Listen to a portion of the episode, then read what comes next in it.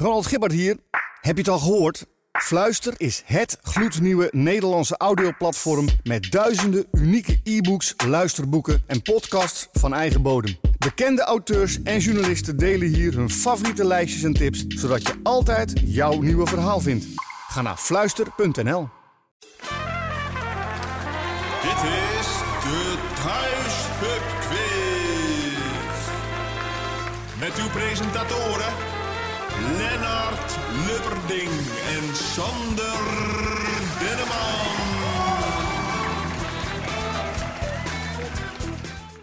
Ja, van harte welkom, dames en heren. bij nummertje 53. De Thuisbezoek is nummertje 53, ja, alweer, Sander. Wij gaan bijna met eh vakantiebreak, een welverdiende vakantiebreak, al eh, zeg ik het eh, zelf. Je hebt het wel verdiend, ja. Ja, jij Nou, ook, hard Sander. Jij gewerkt, hebt, jij hebt ook ge- gewerkt. ik, ik heb zeker gewerkt, ja. We gaan eh, door tot, eh, dit seizoen gaan we door tot en met eh, editie 55. Dus we hebben nog, hierna nog twee reguliere edities. En daarna zijn we er eventjes niet. Twee, drie maandjes niet geloof ik. Meestal gaan we in september ongeveer weer verder. De laatste komt uit op 30 juni. Maar goed, je kan het allemaal wat later spelen. En dan heb je eigenlijk niet eens door dat we weg zijn geweest. Zo is het. Ga je nog weg? Ik ga zeker weg. Ik ga eh, lekker naar Zuid-Frankrijk. Ah, de Douze France. Nog naar de Efteling. En jij dan? Ah, ik eh, ook naar de Douze France. Ah, Misschien gaan we wel samen. Dat zou zo wel kunnen. Ja, nou, eh, kom ons vooral opzoeken. hey, we gaan nog wel een quiz spelen natuurlijk. We hebben zo meteen ook nog Oh, een ja. klein nieuwtje, maar dat houden we nog een beetje tegen de borst. Hoe zeg je dat? Moet je Eh, dat niet gewoon nu vertellen dan? Je kan niet eh, zo laten vallen en dan niet, eh, niet, niet zeggen wat er aan de hand is. Na de zomerstop zou het kunnen dat we onder een andere vlag doorgaan, laten we het zo zeggen. Is dat Ja, eh, voldoende? Dat is voldoende geteacht. Ja, we Ah, hopen- het wel, gaat wel gebeuren, denk ik. Ja, eh, dus er zal op zich niet heel veel veranderen voor de luisteraar, maar voor ons wel iets. Eh, maar Ja. daar zijn we nog over eh, in gesprek. Maar eh, eh, we hopen in thuis pubquiz nummertje 54. Het volledig te onthullen. Precies, ja. ja. Dan kun je eh, alvast aan het idee gewend raken. Ja, precies. Maar nu gaan we nog spelen. Thuisquiz nummertje 53. En wij spelen zoals altijd zes rondes van 10 vragen. Met allemaal een overkoepelend thema.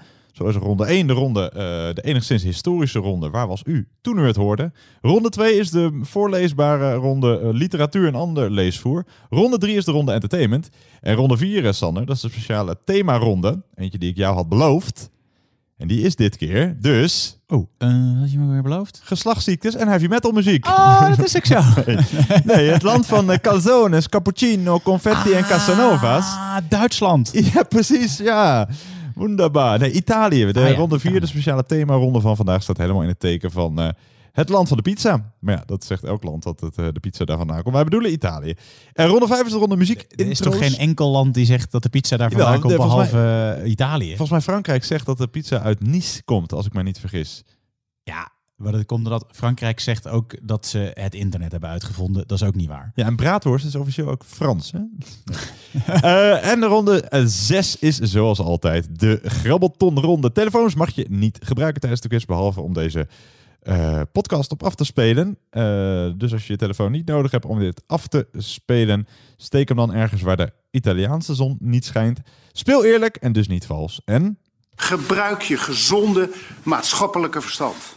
Precies, al dus Vecht, die nog steeds bij ons is na 53 edities. Goed van hem. hè. Echt hè? Heerlijk. Ik weet niet wat hij verder doet tegenwoordig. Hij zit niet meer in het eh Nee. Nee, nou, nou. dan heeft hij alle tijd om gewoon één keer live dat Die- hierin te nou, ook alleen die zin dan mag hij- dan. alleen dat. Vert, als je luistert, je bent van harte welkom om een keer gebruik je gezonde maatschappelijke verstand eh, live. eh, Ja, na, Tijdens de na opname 20 seconden sta je weer buiten. ja, minder zelfs. Eh, na elke ronde, dus na elke tiende vraag, geven wij de goede antwoorden van die ronde. Dus als je eh, de antwoorden met pen en papier bijhoudt en je speelt met meerdere mensen, schuif dan je eh, formuliertje allemaal naar één persoon verder door.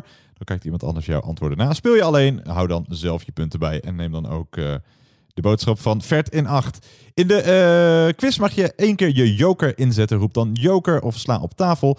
Eh, dat mag alleen voordat een ronde begint. In die ronde tel je punten dubbel. Mag dus maar één keer en alleen voordat een ronde begint. Sander, in welke ronde denk jij je joker te gaan inzetten? Eh, nou, ik eh, denk de themaronde, maar ik weet nog niet 100% Cazzo zeker. di merda, dat eh, wilde ik maar zeggen. Ik heb godverdorie die hele ronde van jou in elkaar zitten sleutelen. Oh ja, en dan niet daar je ronde in elkaar. Hey, Nee, die oké, dan, doe ik het, dan, dan beloof ik het bij deze plechtig. Oké, Italiaanse geslachtsziektes. Eh eh, de winnaar, die krijgt een prijs. Dat mag je onderling afspreken. Sander, jij krijgt van mij Pizza een fles drank die we, waar we naar vragen bij ronde 6, vraag 10. Oh, Geen idee wat het is, maar dat zien we zo meteen wel. Er zijn inclusief joker is dat maximaal... die hele exclusieve bourbon van 1000 euro? Nee, die had je vorige keer kunnen winnen, maar toen verloor je. Ah, jammer. Eh, er zijn inclusief joker maximaal 70 pun- punten te verdienen voor de mensen die vriend zijn van de show. Of eigenlijk beter gezegd bedweter via petje.af slash thuispubquiz zijn er 80 punten te verdienen. Want de bedweters hebben ook een afbeeldingenronde ontvangen. Wil je ook die afbeeldingenronde ontvangen? Word dan bedweter eh, van de show. En hoe doe je dat ook alweer, Sander? En dat is eigenlijk heel makkelijk. Ga je naar petje.af slash thuispubquiz. Eh, dan wijst het zichzelf wel. En dan eh, word je vriend van de show. Quiz op woensdag. eh, na twee maanden die fantastische thuispubquiz. Bierveeltjes zetten, wie wil hem niet? Ehm, mis ik dan nog iets? Oh ja, afbeeldingenronde zei je net zelf al. Ja. Eh, en dat was het eigenlijk. Zit er nog meer eh, extra's aan? Nee, ik geloof Nee. niet. Nee, maar alsnog wel doen hoor. Eh, genoeg uh, hoort. We gaan eh, lekker beginnen. Dat doen we met ronde 1. Dat is de ronde Waar was u toen u het hoorde?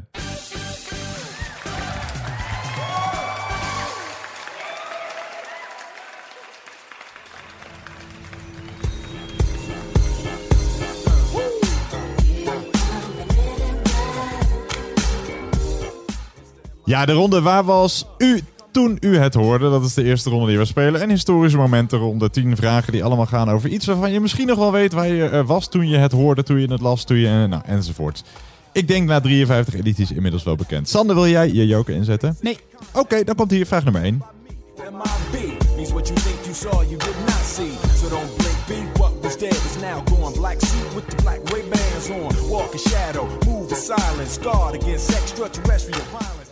Ja, en die eh, luidt als volgt. Vraag 1. Dat Coda in 2022 de Oscar voor beste film won. Daar had eh, bijna niemand het meer over na afloop. Het ging wel over de man die de Oscar won voor beste acteur, Will Smith. Hoe heette de komiek die een grap maakte over de vrouw van Will Smith, Jada Pinkett Smith?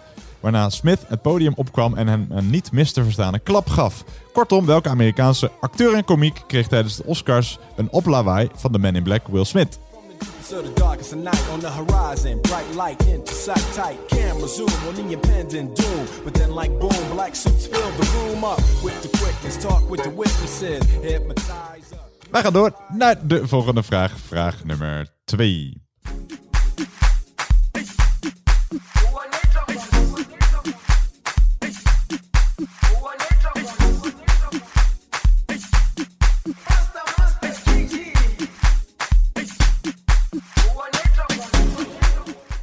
Ja, vraag 2. Op 11 mei 1960 werd in Argentinië de Duitse oorlogsmisdadiger Adolf Eichmann opgepakt. Hij werd door een team van de geheimagenten ontvoerd uit Buenos Aires, verdoofd en in het diepste geheim naar Israël gevlogen, waar hij uiteindelijk ter dood werd veroordeeld. De geheime operatie werd uitgevoerd door de Israëlische geheime dienst. Hoe heet die Israëlische geheime dienst, opgericht in 1949, die verantwoordelijk was voor de ont- ontvoering en arrestatie van nazi-kopstuk Adolf Eichmann?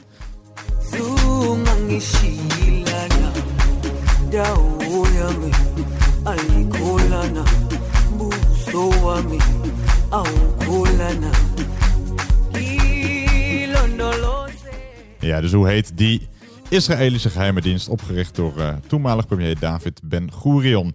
Wij gaan eh, door naar vraag nummer drie.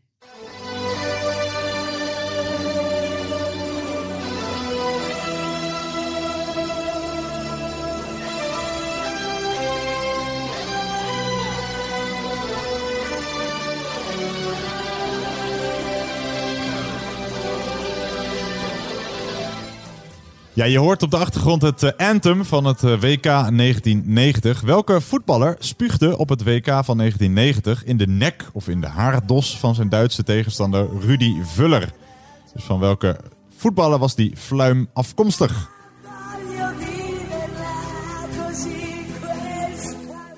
Sportvraag, heel gemeen. Ja, het is wel een sportvraag, ja. Maar ik weet nog wel precies waar ik was toen ik het hoorde. Eh, ik weet wel wie het is. Ja, je weet heel goed, heel goed. Ja. Het levert hem volgens mij ook de bijnaam de Lama op. Maar goed, eh, waarschijnlijk kom je er wel uit. Wij gaan eh, door naar de volgende vraag. Vraag nummer 4.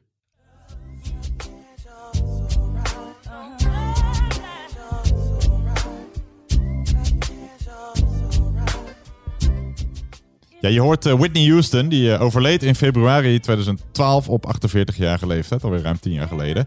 De zangeres werd dood aangetroffen in bad in een hotelkamer in Beverly Hills. Ze is niet de enige grote bekende artiest die overleed in bad. Ook de zanger van The Doors werd in 1971 dood aangetroffen in bad. Evenals in 2018 de zangeres van The Cranberries.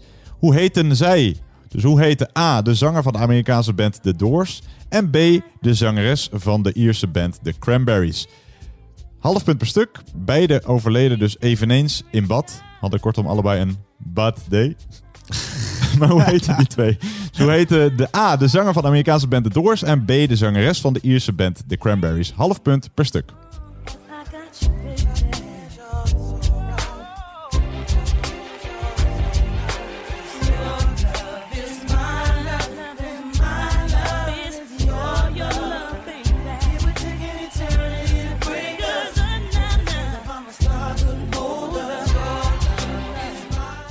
Gaan wij... eh, Stel je moet kiezen, je zet of The Doors of The Cranberries of Whitney Houston aan. Wie eh, kies je dan? Ehm, Ik denk de Doors. De Doors. Oké, nou mooi.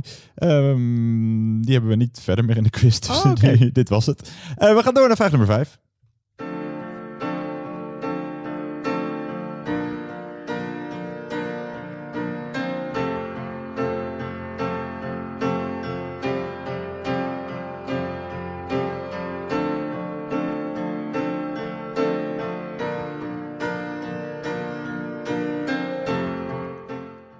Ja, gelijk sfeer hè, met... eh, Ja, ik zit al met mijn aansteker in de lucht. Ja, dat kan ik me voorstellen.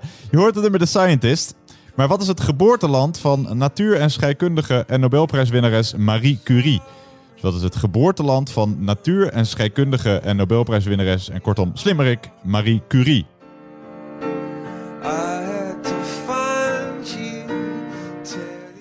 Dat had ze ook op haar LinkedIn-profiel staan, toch? Slimmerik. Ja, zeker slimmerik. Ja, ja nog steeds geloof ik. Eh, Ik ben al eh, sindsdien bevriend met haar.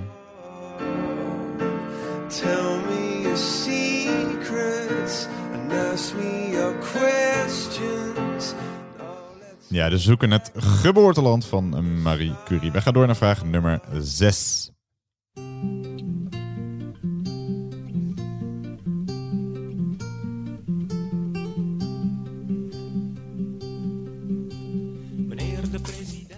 Ja, en die gaat over eh, twee presidenten. Het is een lange vraag, dus luister goed. Na 1920 zijn er vijf Amerikaanse presidenten niet herkozen voor een tweede termijn. Zij kandideerden zich wel voor een tweede termijn, maar werden afgetroefd door een nieuwe presidentskandidaat. George Bush senior was er één. Hij, was president van 1989 tot 1993. En daarna werd het Bill Clinton. Herbert Hoover, president van 1929 tot 1933, verloor van Franklin D. Roosevelt. En meer recent Donald Trump verloor eh, in eh, 2021 van Joe Biden.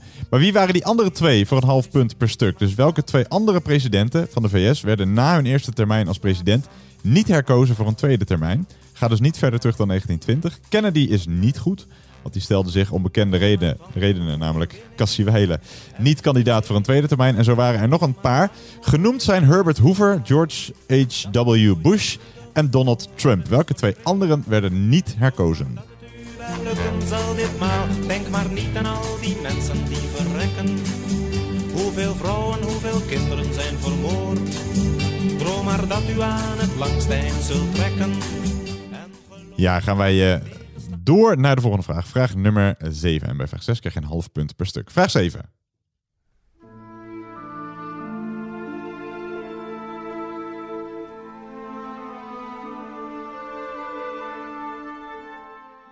In april 2022 overleed op 107-jarige leeftijd de Duitse vrouw Mimi Reinhardt. Tijdens de Tweede Wereldoorlog werkte zij in dienst van een Duitse zakenman die honderden Poolse Joden redde van de gaskamers. Als secretaresse van deze zakenman was Mimi Reinhardt verantwoordelijk voor het opstellen van lijsten van Joodse arbeiders uit het ghetto van de Poolse hoofdstad Krakau. Die werden gerecruiteerd om in zijn emailleerfabriek te werken. Zo werden ruim 1200 Joden gered van deportatie naar nazi-vernietigingskampen. Van wie was deze op 107-jarige leeftijd overleden Mimi Reinhardt de secretaresse? Dus van wie was deze Mimi Reinhardt de secretaresse?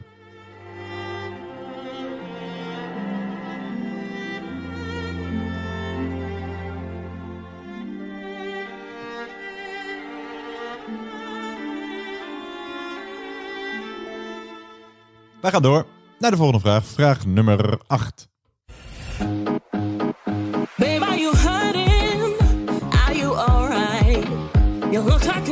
Angel that fell from the sky. And boy, you keep talking, massaging my ego. No pickup line. Ja, je hoort eh, een songfestival-inzending van Malta. Malta werd op 21 september 1964 onafhankelijk. Van welk land? Van welk land werd Malta op 21 september 1964 onafhankelijk? Yeah,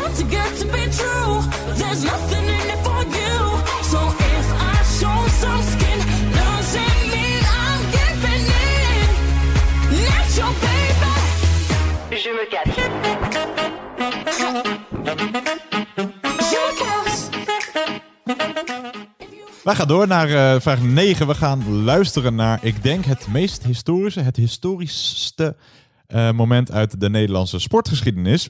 En de vraag is, wie hoor je? Wie hoor je? Van Tichelen. 1 tegen 1 wordt het. Buren. Van Barsten. Goed. Oh, de goal! Wat een goal! Wat een schitterend doelpunt zeg. Ja, niet te geloven zoals hij die bal uit de lucht oppakt in die hoek daar. Niet te geloven. Wat een weergaloos doelpunt. Jongen, jongen, wat een doelpunt zeg. Ja, wie was dat? Welke sportverslaggever hoorde je in het eh, fragment van zojuist? Dat is vraag nummer 9. Ja, dat is nog niet gemakkelijk, hè? Wij gaan door naar de volgende vraag. De laatste vraag van deze ronde. Vraag nummer 10.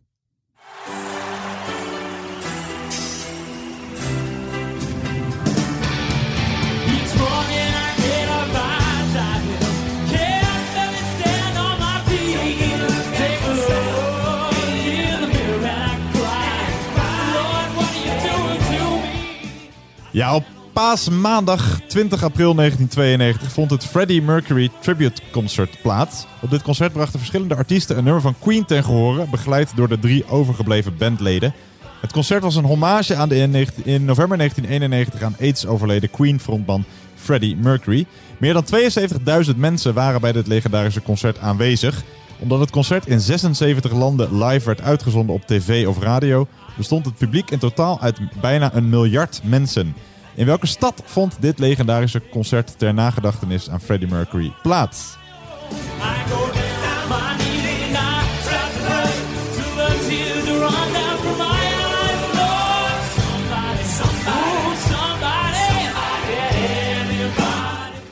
Ja, en Sanne, was jij een van die eh, miljard mensen? Het was 1992, jij was Nee. acht. Nee, ik was het ook niet. Nee, dus, eh, nou, dan... eh, Ik weet niet of ik toen wist wie het was eigenlijk. Freddie Mercury. Ja. Nee, nee ja, dat was voor mij ook... eh, nee, ik heb hem nooit bij leven eh, echt meegemaakt. hey, maar eh, daar, dat is natuurlijk in dit geval helemaal niet belangrijk. Het is vooral belangrijk hoe jij het hebt gescoord deze keer. Ja, zeker.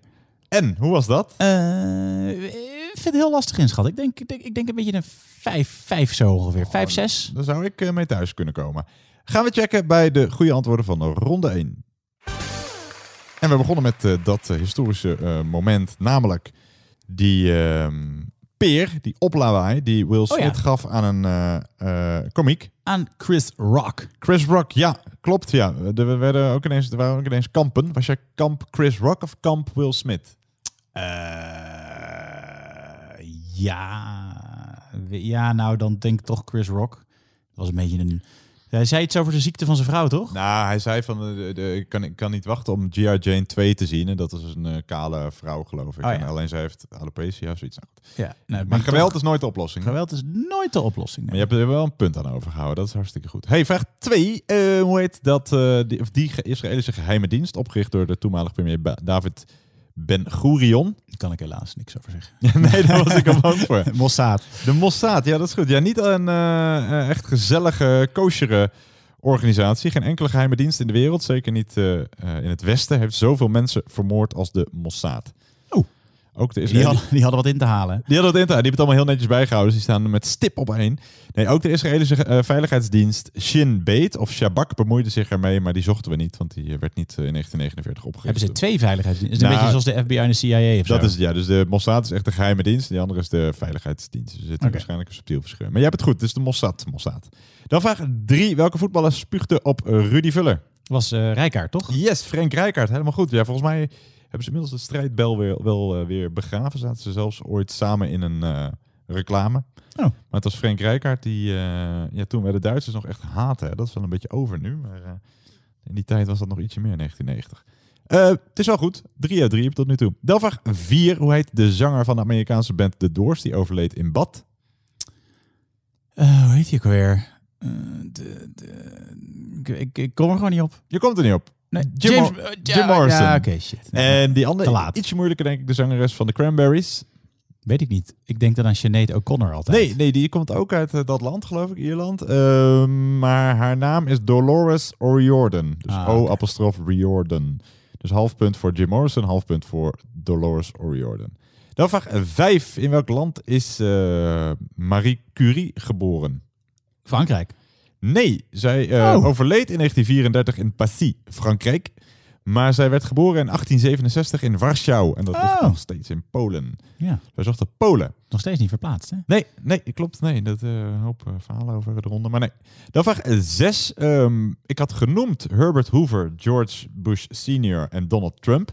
Maar welke twee andere Amerikaanse presidenten kandideerden zich wel, maar werden niet herkozen voor een tweede termijn? Ja, dat vind ik moeilijk. Dus ik ga wat gokken.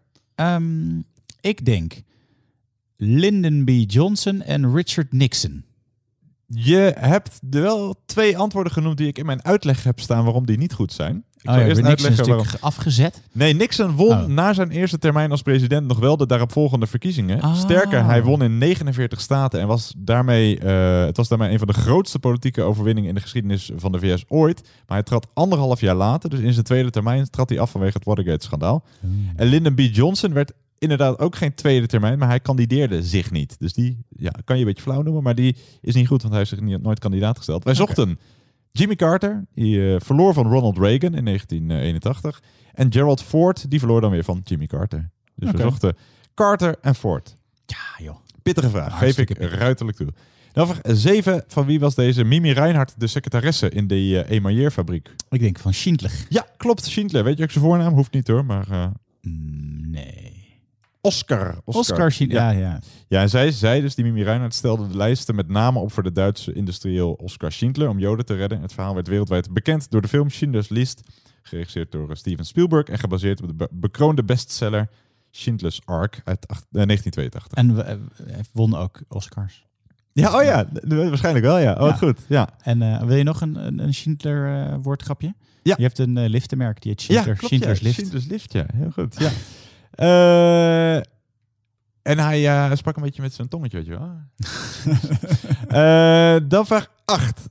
van welk land was, werd Malta onafhankelijk in 1964? Eh, ik denk Groot-Brittannië. Ja, ga, gaan we goed rekenen. Gro- Groot-Brittannië, Verenigd. Koninkrijk, Engeland. Mag je allemaal goed Alles, rekenen. dat eiland daar. Precies, Europa. Nee, de- nou, nee, niet meer. Nou, Het goed. Westen. Verenigd Koninkrijk, Engeland, Groot-Brittannië, allemaal goed. Dan vraag 9.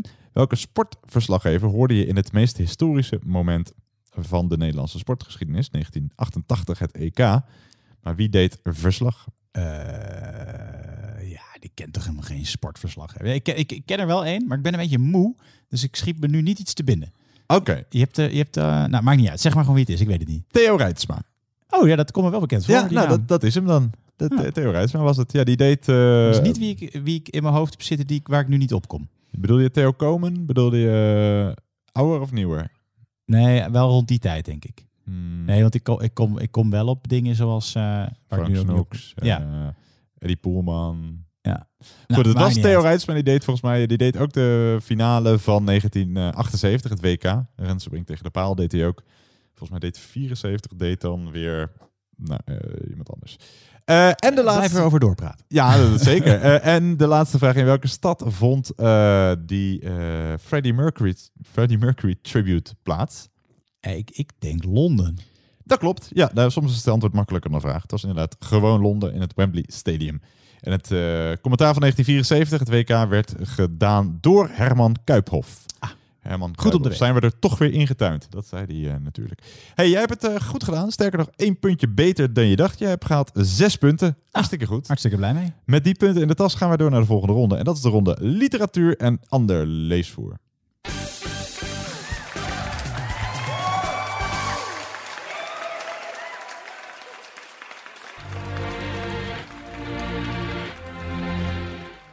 Ja, ronde 2 is de ronde literatuur en ander leesvoer. En eh, daarin zitten dus dingen die echt onder de noemer literatuur vallen. Dus eh, hoogstaande boeken. en ook eh, ander leesvoer, zoals minder hoogstaande boeken en ander leesvoer. Dus ook de kampioen heeft er een keertje in gestaan. wat op zich een heel waardevol blad is. De hoogste, Zeker. hoogste oplage van Nederland, geloof ik. Wil jij, Sander, je joker inzetten in de ronde literatuur en ander leesvoer? Nee, ik eh, had beloofd dat ik hem in de, eh, in de Italië-ronde zou doen. Ah, mooi bien. Oh nee, dat is Spaans. Hey, eh, dan wens ik je net zoveel succes als net. Vraag 1, ronde 2.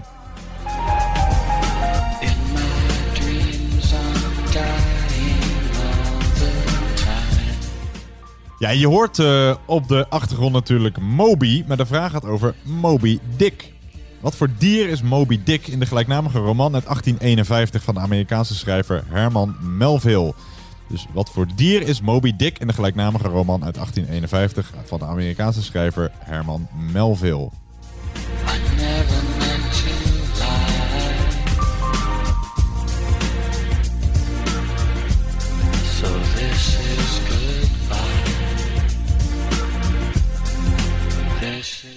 We gaan eh, verder naar de volgende vraag. Je gaat eh, horen Peter Bualda bij vraag 2. Hier op de bank lag je op de bank. Ja, het is toch wel het, het, het huilen nabij. Dat ik dacht van, het wordt niks. Het is, het is kloten. En het, het gekke is dat je... En was het dan ook kloten? Of, ehm, Eh, nou, ik denk het niet. Want ik, ik heb ook dit hele manuscript, toen het klaar was, ook nog heel erg kloten gevonden.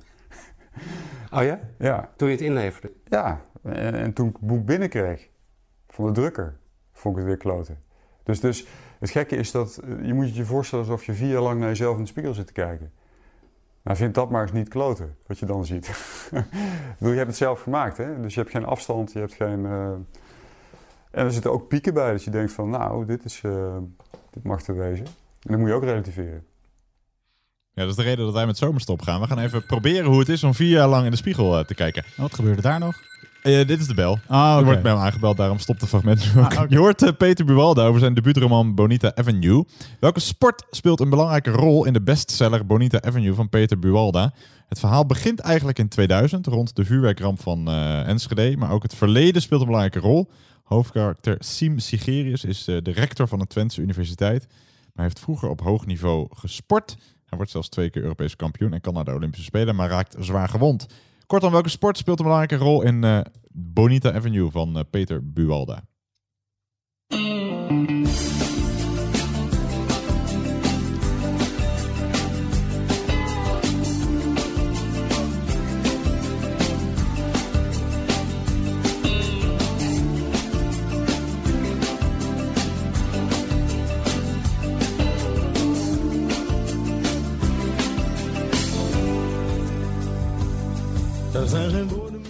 Ja, vraag 3. Begin 2022 werd na een verkiezing de mooiste liefdeszin uit de vaderlandse literatuur bekendgemaakt. Winnaar was de zin: Dit is het enige wat telt, lieverd, dat iemand meer in je ziet dan je wist dat er te zien was. De zin komt uit het boek Een schitterend gebrek dat in 2003 uitkwam. Wie schreef het? Wie schreef het boek Een schitterend gebrek waarin de zin staat die in 2022 werd verkozen tot mooiste liefdeszin uit de Nederlandse literatuur? Grappig weetje over deze schrijver. Hij speelde in 1994 en 1995 de eh, rol van buurman Marcel Vonk in Vlodder. Er zijn geen woorden meer. Er is maar één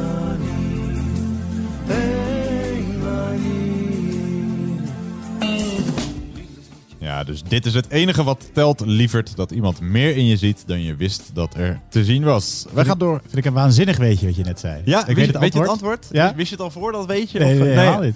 Nee, ja, hij, ik wist het hele weetje wist ik niet. Nee, nou, eh, de- je gaat ineens heel anders naar Vlodder kijken. Een kwaliteitsserie blijkt ineens, nou wist ik al lang dat het dat Nee, was. tuurlijk. Wist iedereen. We gaan naar eh, vraag nummer 4.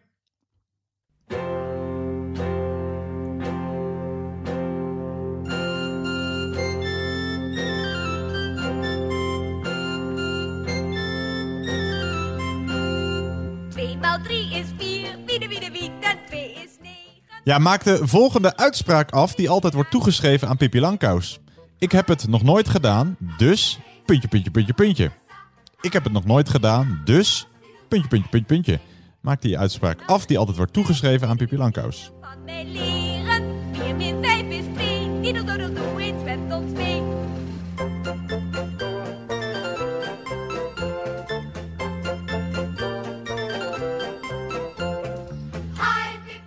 Pippi Langkous was trouwens in seizoen 4 en 5 van Flodder. De... Nee, dat was niet waar. We gaan eh, door naar vraag nummer 5.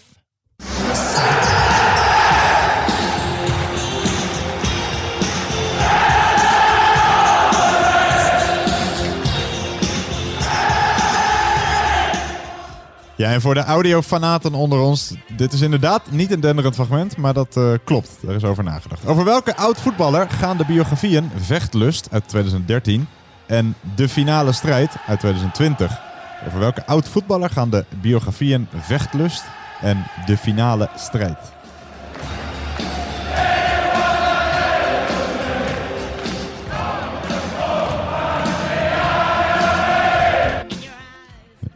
Vechtlust uit 2013 en de finale strijd uit 2020. Wij gaan door naar eh, de volgende vraag, vraag nummer 6. En plots stond Sonja Bakker voor mijn deur met camera's, geluid en assistent. Ze flameerde, jij bent bijna 28, maar weet jij wel hoe oud jij werkelijk bent? Ze had een hartslag. Ja, een liedje over eh, Sonja Bakker, die eh, het een en ander bij elkaar eh, blijkt te hebben verzonnen. En welke koek werd immens populair door de dieetboeken van Sonja Bakker? In haar dieetboek Bereik Ideale Gewicht werd deze koek gepresenteerd als het gezonde tussendoortje en kreeg de koek een ware boost. De meningen waren verdeeld of de koek wel echt zo gezond was.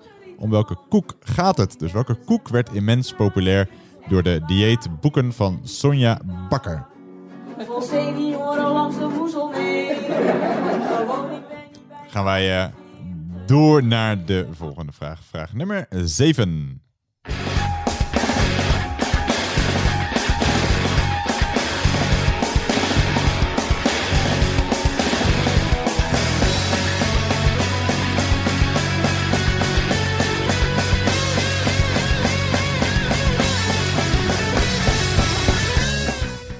En dat is een lange vraag. Luister goed. In dit nummer wordt gerefereerd aan het boek 1984 van George Orwell.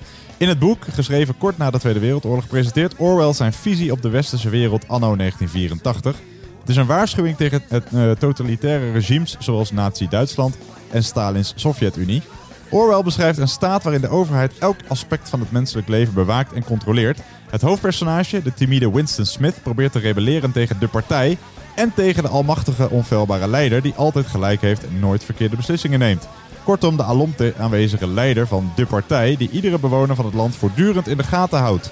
Hoe wordt hij genoemd? In het verhaal wordt, eh, wordt beschreven dat zijn ware naam onbekend is en dat niemand zelfs weet of hij bestaat.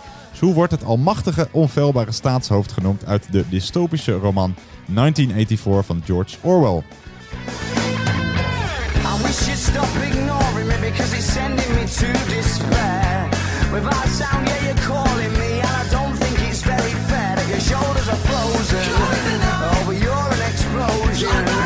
Your name isn't real, but I We gaan naar eh, vraag nummer 8.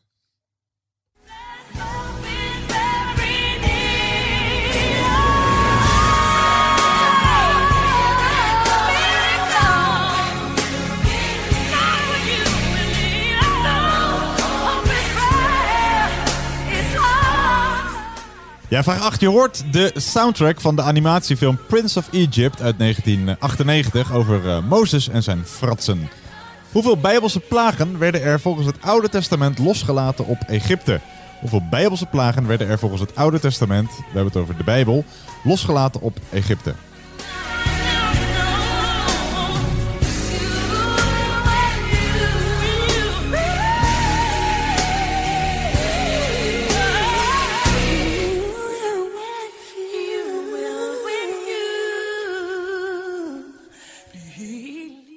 Precies.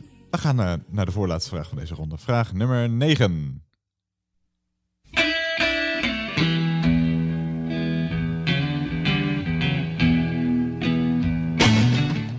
En die is eh, kort maar krachtig. Uit welke bestseller van Tommy Wieringa kennen wij het personage Fransje Hermans? Dus uit welke bestseller van Tommy Wieringa kennen wij het personage Fransje Hermans?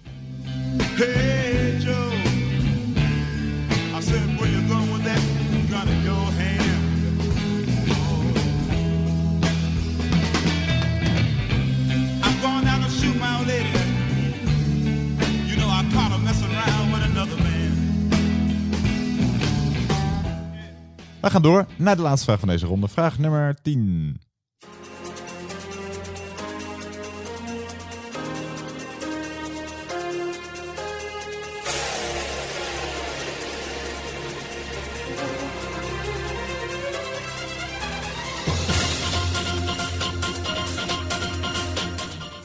En die luidt als volgt. Welke dagboekschrijfster werd bedacht door Helen Fielding? Welke dagboekschrijfster werd bedacht door Helen Fielding?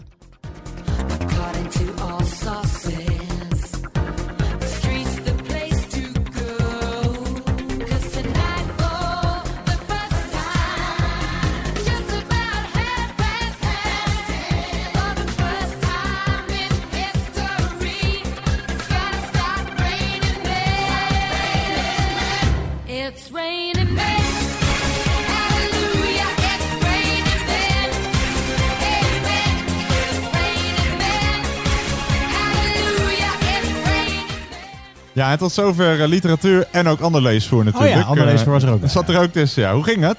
Eh, ja, ik denk een beetje hetzelfde als net. Zo Ja. vijf, zes vraagjes, Nou, hoop ik op. Nou, dan zou inderdaad meevallen als dat er zes blijken te zijn. Ehm, we gaan de boel controleren. We gaan naar de goede antwoorden van ronde 2. En we begonnen met... ja, we begonnen ook weer mee. Ja, we begonnen met Moby Dick. Wat voor dier is Moby Dick? In de gelijknamige roman uit 1851 van Herman Melville. Een walvis of een potvis, denk ja, ik. is allebei goed. Ja, of tenminste, eh, hij werd ook wel vertaald Whale. als eh, de walvis. Het gaat over de jacht op de witte potvis Moby Dick door kapitein eh Ashap. van de walvisvader Picot. Die in een eerdere confrontatie met het dier zijn been heeft verloren. Deze potvis zou zoveel rampen hebben veroorzaakt dat de walvisvaarders het dier uitgroeiden tot een mythe. Je hoort dat ik het boek niet heb gelezen, denk Nee. ik. nee. dus eh, de potvis niet, is hoor, een eh, maar- walvis uit de familie der potvissen. In Nederland eh, kwam het boek uit als de walvis. Je mag goed rekenen, witte potvis, potvis, walvis, goudvis niet. Dan vraag 2. welke sport speelt een belangrijke rol in Bonita Avenue? Poeh, die heb ik niet gelezen. Dus ik ga gokken. Turnen. Nee, het is judo. Ah. Judo is het goede antwoord. Dan vraag 3. Wie schreef het boek Een schitterend gebrek, waarin die zin staat die werd verkozen tot mooiste liefdeszin uit de Nederlandse literatuur? Arthur Chopin. Ja, helemaal goed. Ja. Jij wist het dus door die eh, zin, of eh, niet doordat hij ook in Vlodder zat. eh. Nou, door het boek. Je zei de titel van het boek, toch? Ja. De, daar, die, die weet ik Ja, wel. Niet Ah, gelezen ook. Het was inderdaad Arthur Japin. En die zat dus blijkbaar ergens halverwege de jaren negentig in Vlodder. Dan vraag 5. Nee, vraag 4. Maakt die afspa- uitspraak uit eh, af. Die altijd wordt Ja. eh, toegeschreven aan Pippi Langkous. Ik heb het nog nooit gedaan, dus... Ik zal het wel kunnen. Ja, dat ga ik goed rekenen. Dus ik denk dat ik het wel Oh, kan. dus ik denk dat ik het wel kan. Want, namelijk, deze uitspraak wordt altijd aan haar toegeschreven. Maar ze heeft het nooit gezegd. Nee, dat wist ik. Wel iets in die richting, maar... Be- ja, bevestigd door de Astrid Lindgren website, de officiële Astrid Lindgren website. De, altijd, er wordt altijd aan haar toegeschreven, maar ze heeft het nooit gezegd. Dus ja, daarom mag je alles wat er een beetje op lijkt wel goed rekenen. Het antwoord is dus, ik heb het nog nooit gedaan, dus ik denk dat ik het wel kan. Eh, dat is eh, goed. Keurig. Je hebt eh, drie van de vier punten tot nu toe binnengehengeld. Vraag vijf, ja, een voetbalvraag. Welke oud voetballer, over welke oud voetballer gaan Vechtlust en de finale strijd?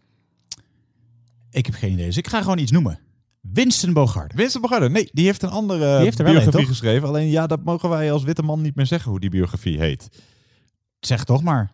Deze en dan dat N-woord buigt voor niemand. Deze neger buigt voor Ja, niemand. mag, ja, dat mogen we niet meer Dat is zeggen. toch gewoon de titel van zijn boek? Dat kan je toch gewoon zeggen? Ja, maar dan kun je je lelijk bel aanvallen tegenwoordig. Nee, eh. niet als het, hij schrijft dit over zichzelf. Ja, dat is waar. Dan kan je toch... Oké. Nou, eh, veel succes met alle haatmail, Sander. Dankjewel. Nee, het Het kan zijn eh, dat de quiz over twee weken niet doorgaat. Nee. Dat ik nog bezig ben met Of- excuses Of dat we iemand anders hebben. Als, eh, ja. Goed, het goede antwoord op deze vraag was Fernando Rixen, eh, twaalfvoudig international. Hij overleed in 2019 en speelde dus twaalf keer voor het Nederlands elftal. Hij overleed aan ALS. En je hoorde, dus voor de audio-fanatici onder ons, hoe hij werd toegezongen tijdens zijn uitvaart, uitvaart door Glasgow supporters. Dus vandaar dat het fragment enigszins eh, beroerd leek, maar het was eh, een eh, massale menigte die hem toezong. Ah.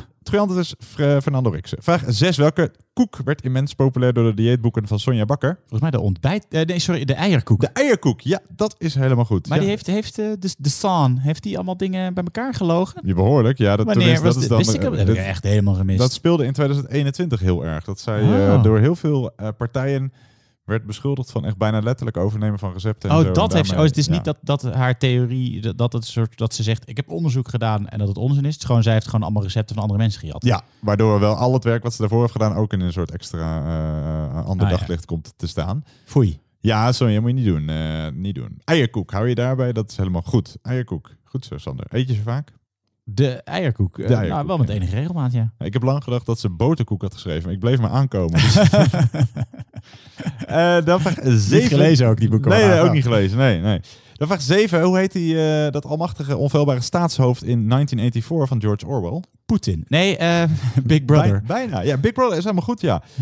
Big Brother is watching you. Dat was natuurlijk die bekende uitspraak die daar vandaan kwam. En waar dus ook een televisieprogramma omheen werd gebouwd. Een programma waarin bewoners ook voortdurend in de gaten werden gehouden. Door eh, de eigen Big Brother John de Mol. Precies, ja, door de, ja, door de, de Poetin van de lage landen. Eh, dan vraag 8. hoe heet, eh, nee, hoeveel bijbelse plagen werden er volgens het Oude Testament losgelaten op Egypte? Zeven?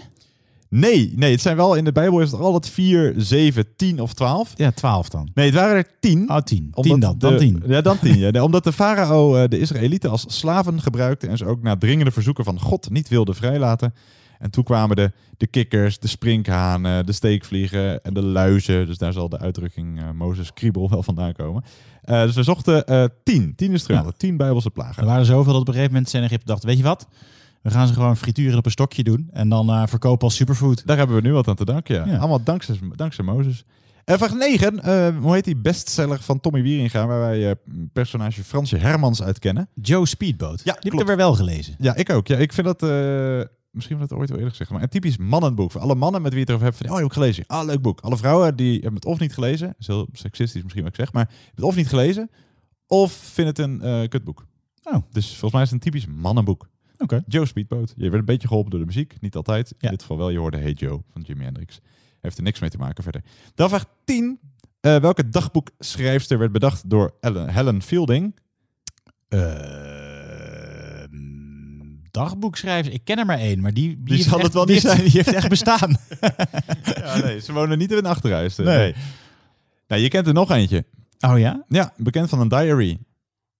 Eh, Bridget Jones! Ja, klopt, ja. Maar ik ga hem Ah, helaas niet goed rekenen, want het is buiten de tijd. En je Ja, hoorde ook een van de jammer. soundtracks van de verfilming.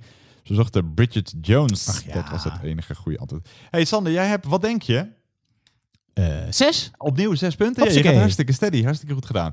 Als je joker hebt ingezet thuis, dan eh, mag je je punten verdubbelen. Wij gaan door naar de volgende ronde. Ronde drie, en dat is de ronde entertainment. Nou, we zijn aanbeland in eh, ronde 3. Jij gaat eh, tot nu toe best lekker, eh, Sander. Gewoon, je gaat er redelijk smooth doorheen. Vraag 6 wilde ik zeggen. Nou, je hebt twee keer 6 goed. Hartstikke goed. Kijken of dat bij deze ronde entertainment weer gaat gebeuren. Eh, als je thuis je joker wil inzetten, doe dat dan nu. 10 vragen over films, soap, series enzovoort. Succes allemaal. Hier komt vraag nummer 1. Ik heb weer zo'n zin, ik wil naar buiten, ik moet naar mijn vriendje toe. Hij is rond en hij is wollig, hij is en lollig. Die poebeer, Winnie de poebeer. Altijd plezier, achter de honing aan. Poebeer. Ja, vraag 1 is eigenlijk ook nog een beetje een literatuurvraag. Winnie de Pooh wordt in de boeken stevast he genoemd. Ofwel, het is een jongetje. Maar een aantal jaar geleden werd bekend dat hij is gebaseerd op een meisje. En dus eigenlijk misschien wel een meisje zou zijn. Maar hoe zit dat met Bambi? Is Bambi een jongetje of een meisje? Dat is er maar één, dat is Poebeer, Winnie de Poebeer. Waar je ook gaat, neem mij toch met je mee. Poebeer, jij en ik samen. Ik word nooit moe met mijn dierenvriend Winnie de Poe. Dus is Bambi een jongetje of een meisje? Wij gaan door naar vraag nummer 2.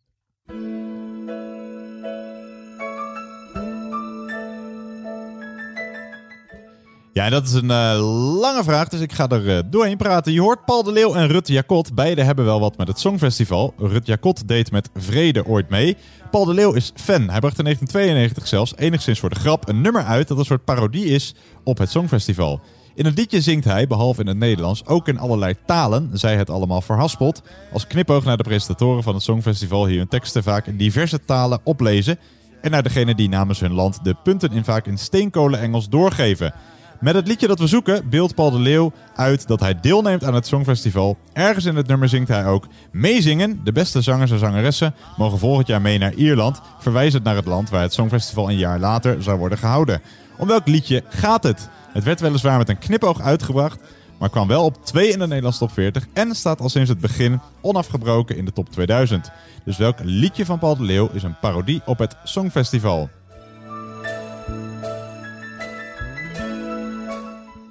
Gaan wij door naar de volgende vraag. Vraag nummer 3.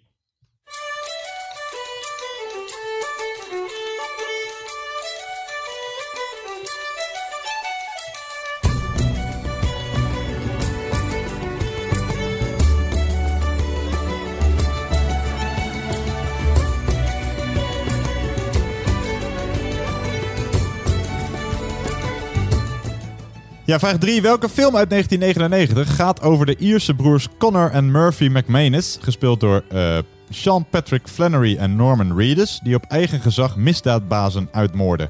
Dat doen ze vanuit de letterlijke heilige overtuiging om al het kwaad te vernietigen.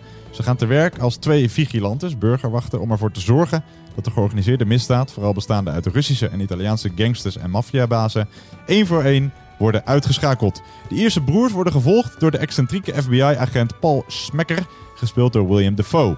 Hoe heet deze misdaadactiefilm geschreven en geregisseerd door Troy Duffy?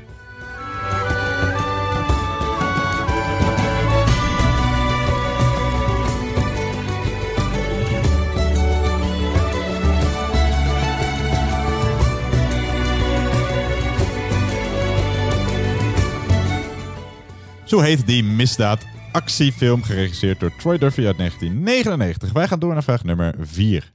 De tijd van onbezorgdheid is voorbij. Vandaag begint Ja, je hoort eh, de tune van GTS-thema dan van lang, lang geleden. Tegenwoordig is Goede Tijden, Slechte Tijden natuurlijk hartstikke inclusief. Maar hoe heette het allereerste transgender personage uit Goede Tijden, Slechte Tijden? Hij of zij was ook de eerste trans in een Nederlandse soap ooit in 1997. En dat was voor die tijd nogal wat, om niet te zeggen revolutionair. Ze was de vriendin van Arthur, gespeeld door Jimmy Geduld. Toen Arthur ontdekte dat zij was geboren als een hij, maakte hij het uit. Door de persiflage van Carlo Boshart in Pittige Tijden werd hij of zij nog bekender. Hoe heette het karakter, gespeeld door Paul Benjamin, een eerste transgender in een Nederlandse soap ooit? Voornaam volstaat.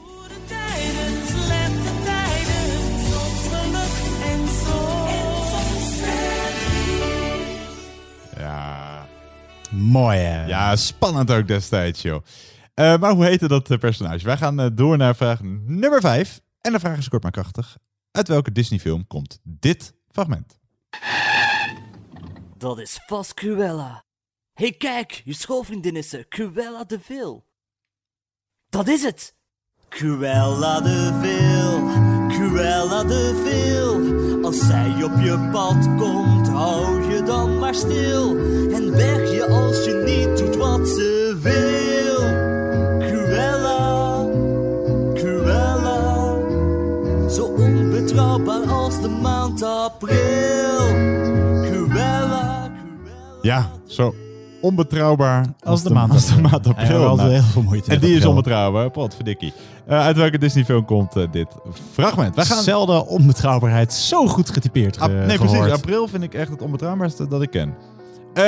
Dan gaan we door naar vraag roze koeken, ook onbetrouwbaar. Vraag nummer 6. Komt-ie.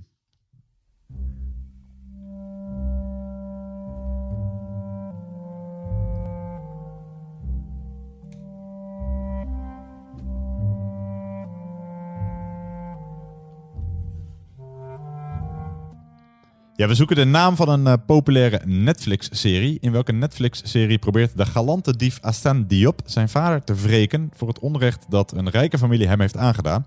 Dat doet hij geïnspireerd door de avonturen van een gentleman dief, een personage uit de verhalen van de Franse schrijver Maurice Leblanc.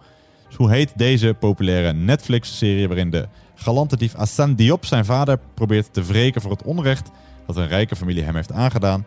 Dat doet hij geïnspireerd door de avonturen van een gentleman dief, een personage uit de verhalen van de Franse schrijver Maurice Leblanc.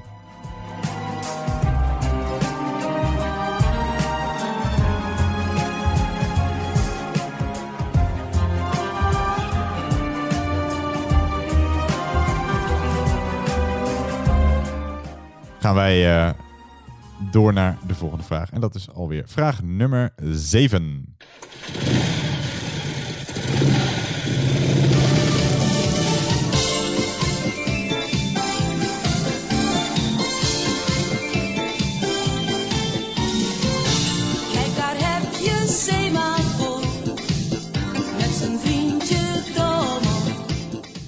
Ja, en daar gaat de vraag ook over, over eh Semafor en Dommel. Zijn baasje heet namelijk Semafor. Maar hoe heet de zwarte kat uit de animatieserie Dommel? Hij is de buurman van Dommel die hem het bloed onder zijn nagels vandaan haalt. Maar hoe heet die zwarte kat uit de animatieserie Dommel? En laat zich soms bedotten. Hier is Dommel, gekke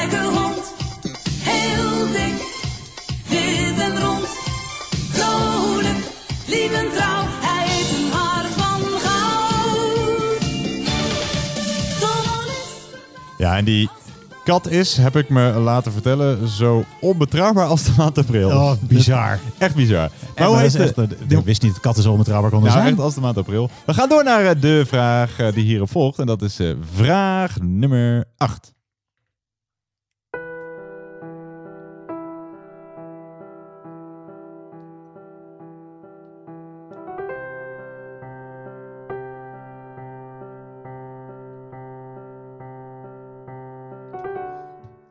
Van welke populaire Nederlandse serie kwam in november 2019 een spin-off film uit in de bioscopen met de titel The Final Chapter? Van welke populaire Nederlandse serie kwam in november 2019 een spin-off film uit in de bioscopen met de titel The Final Chapter?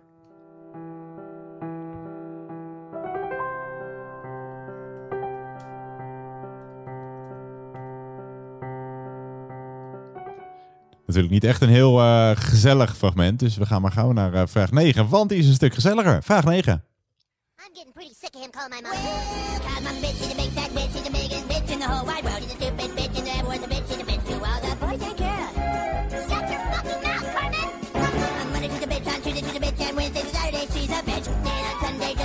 bitch, bitch, bitch.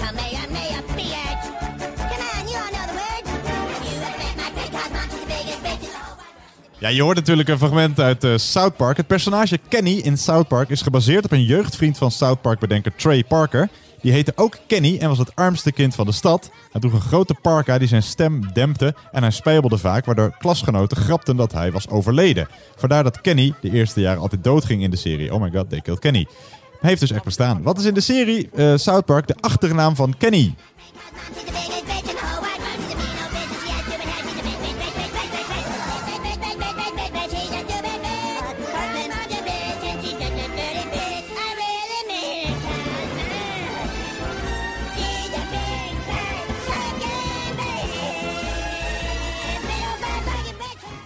Ja, de achternaam van Kenny. We gaan door naar de laatste vraag van deze ronde. Vraag nummer 10.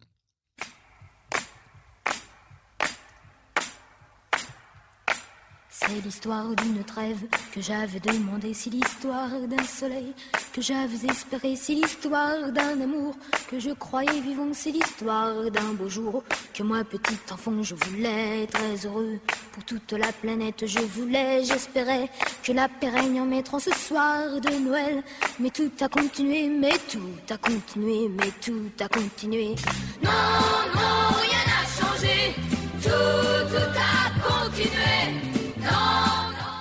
Ja, laatste vraag van deze ronde. Hoe heet deze Franse groep met jongetjes die in de jaren 70 een aantal hits had? De groep kwam voort uit het kinderkoor Les Petits Chanteurs d'Asdière in Anille de France. Hun chansons gingen vaak over de liefde, het onbegrip tegenover de oorlog en het geweld van volwassenen, broederschap en vrede. Het nummer dat je hoort was hun grootste hit. Het stond in 1971 op 1 in de Nederlandse top 40 en in de daverende 30. In de daverende 30 werd het verkozen tot hit van het jaar. De jongetjes traden onder meer op in het Nederlandse Top Pop. Hoe heet deze jongetjesband?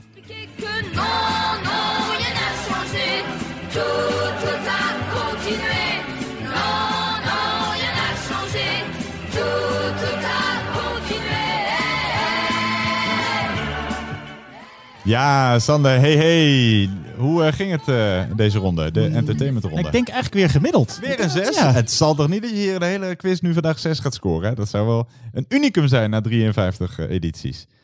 We gaan het zien. We gaan naar de goede Nu ga ik er ook antwoorden. gewoon voor. Als, Ja. ik, als ik dreig naar de 7 te gaan, dan Alles ga ik fout gewoon antwoorden. alles- zeg ik gewoon overal Guus Meeuwis. Oh, nou, dat zou wel eens heel goed kunnen uitpakken hoor. Oh ja? Ja, ik ga nog niet veel zeggen. Ah. Goed, we gaan eh, naar de goede antwoorden van ronde 3, de ronde entertainment.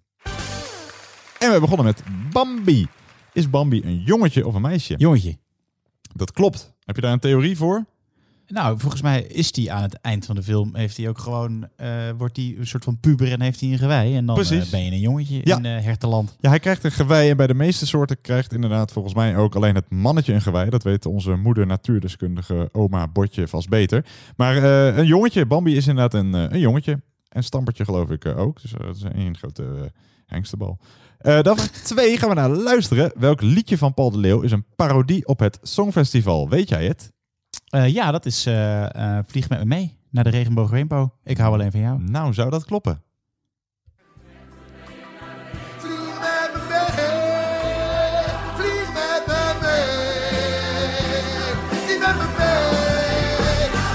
Ja, helemaal goed. Vlieg met me mee mag je goed rekenen. Vlieg met me mee naar de regenboog mag je goed rekenen. Dat is helemaal goed. Ja, werd dus een parodie als grap uitgebracht, maar was, werd dus een, eh, een van zijn grootste hits. Voor de mensen die bedweter zijn via Petje met Af, de afbeeldingronde van eh, deze editie stond helemaal in het teken van Nederland op het Songfestival. Ik denk dat heel veel mensen blij zijn dat ze geen bedweter zijn deze editie. maar eh tien Hebben zich ook een paar mensen afgemeld. ja, ja, speciaal voor deze afbeeldingronde. Nee, tien keer Nederland op het Songfestival. Daar had eh Rut Jacot tussen kunnen staan. Stond er niet tussen. Maar we zochten hier Vlieg met me mee van Pat Leeuw. Dan vraag drie. Ja. Dat eh, was die film over die Ierse broers Connor en Murphy McManus. McManus. Ehm, hoe heet die film? Eh, de, de, de, ehm, eh, de Boondock Saints. Ja, klopt ja. De Boondock Saints. Ja, ze doen het vanuit de letterlijk heilige overtuiging om al het kwaad te vernietigen. Eh, De Boondock Saints. Ja, klopt. Heel goed. 3 uit 3. Dan vraag 4. hoe heette het karakter gespeeld door Paul Benjamin, een eerste transgender in een Nederlandse soap ooit? Eh, Meta. Ja, helemaal goed, ja. Zo, dat is Dat goed, deed eh, goed blijven hangen, ja. Ja, want ja, eigenlijk inderdaad ook wel door, eh, door pittige tijden. Bij Meta ben ik een mon. Ja, precies. Ja. Meta van Baak heette ze in Pittig Tijden. Werd er inderdaad gezegd, ik ben Meta, ik ben een man. Ja, en Meta biecht aan Arthur op dat ze eigenlijk René heet. Goed. Arthur walgt ervan dat hij met een transvrouw is gegaan en wil dat Meta voorgoed uit zijn leven verdwijnt. En dat is het einde van het hele verhaal van Meta. Ja, de ambulances gaan hier Ja, gaan er- gaan ervan knetteren. Ja, dat zou tegenwoordig een heel ander einde hebben gekregen. Maar zo verdween Meta uit de serie. Het was, het was mooi geweest. Het was, eh dus dan doen ze iets, eigenlijk als je erover nadenkt, dan doen ze iets baanbrekends, namelijk een, een transgender van Ja. we, we, we zetten de toon. En de afdronk is, gadverdamme, Ja, weg ermee. weg, weg ermee. Ja, ja tegenwoordig eh, doen doen ze dat op een hele andere manier waarschijnlijk, ja. Ja. Eh, goed, meta zochten we in elk geval. Dan vraag 5. uit welke Disney-film kwam het fragment dat je hoorde? Zo onbetrouwbaar als de, als de maand april. Eh, de, de, de, de, de duizend, de honderd, de 101 Dalmatiërs. Ja, klopt. 101 zijn het er. Ja, volgens mij waren het er, die daarna waren het er zelfs 102 of zo. Of Oh? er nog meer? Maar was er eentje gevonden. Of Ja, niet dat- goed geteld in de eerste film. Dat is het waarschijnlijk, ja. Maar om die hele film dan opnieuw op te nemen. Ja, ik was trouwens pas, ik, inmiddels is het ook al even geleden, maar tien jaar geleden, dus ik was 4, 25 of zo, kwam ik er pas achter dat Cruella de Vil eigenlijk gewoon een cruel devil is. Ja. Dat had ik heel lang niet bij stilgestaan. Ja. Dus, eh, ja, Cruella de Vil, cruel devil. En wij zochten 101 Dalmatiërs. hey, je gaat wel even iets te lekker om eh, maar zes punten te halen. Je, weet hebt tot nu toe vijf goed. Klap ik wel helemaal de mist in zo direct. Hoe heet die populaire Netflix-serie over Assane Diop? Ja, die weet ik helaas. Oei, wat jammer. Namelijk... Lupin. Ja, Die heb ik- Lupin. Die heb ik namelijk gezien. Ja, ik heb hem ook gezien. Ja, ik vond hem eh, leuk. Heel leuk. Geïnspireerd door de avonturen van een gentleman dief Arsène Lupin. Omdat hij stal van de rijken en een deel van de buit schonk aan de armen, wordt Lupin ook wel de Robin Hood van de Belle Époque genoemd. Ah, kijk eens aan, kijk eens aan. Ja, dus Lupin mag je goed rekenen, want dat is namelijk het antwoord. en vraag 7, ja, die was lastig denk ik hoor. Hoe heet dat, eh, die kat uit de animatieserie Dommel? Eh, die weet ik ook. Oh, die weet je, oh, wat goed. Namelijk? Die heet Balthazar. Balthazar, ja, oh, wat goed. Ja, dat is blijkbaar goed blijven hangen. Ja, ja. Ja, ja. Ja, zo onbetrouwbaar eh, als... eh, April. aan maart ook wel, hè, soms.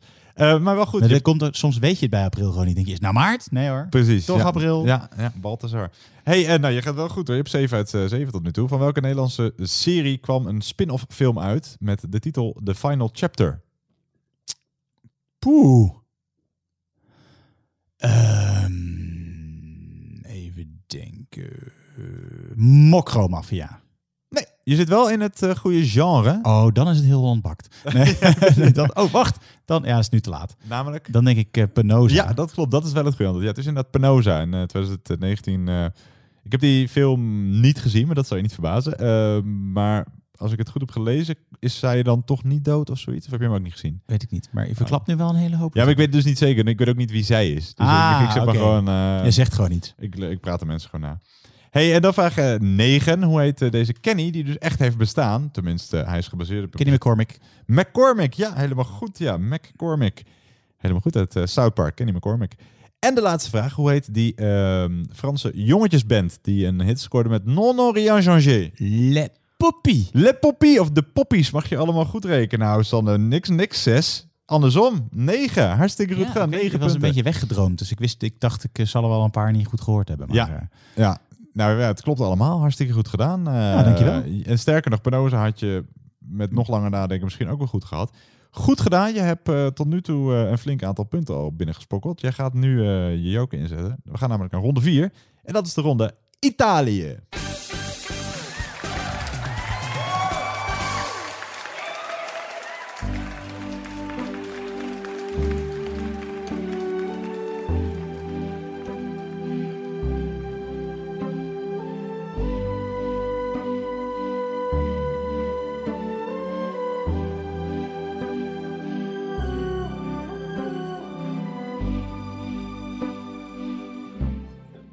Ja, mamma mia, we zijn eh, beland in ronde 4, in eh, de themaronde Italië, Oh, Sander. ja. En jij wilde, zei jij een aantal edities geleden, toen hadden wij de themaronde Spanje. En Ja. zei je, nee, ik eh, wil Italië. Ja. Dus nou, ik eh, ben naar Ik Italië. Ik ben naar Italië Dan kan je het gegaan. krijgen ook. Precies, en ik heb tien vragen samengesteld over het land van eh, Italië. Italië, precies. De Italianen met name.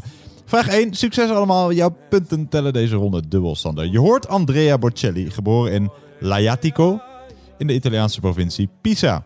In welke regio in Midden-Italië liggen onder meer Pisa, Lucca, Siena en Florence? In welke regio in Midden-Italië liggen onder meer Pisa, Lucca, Siena en Florence?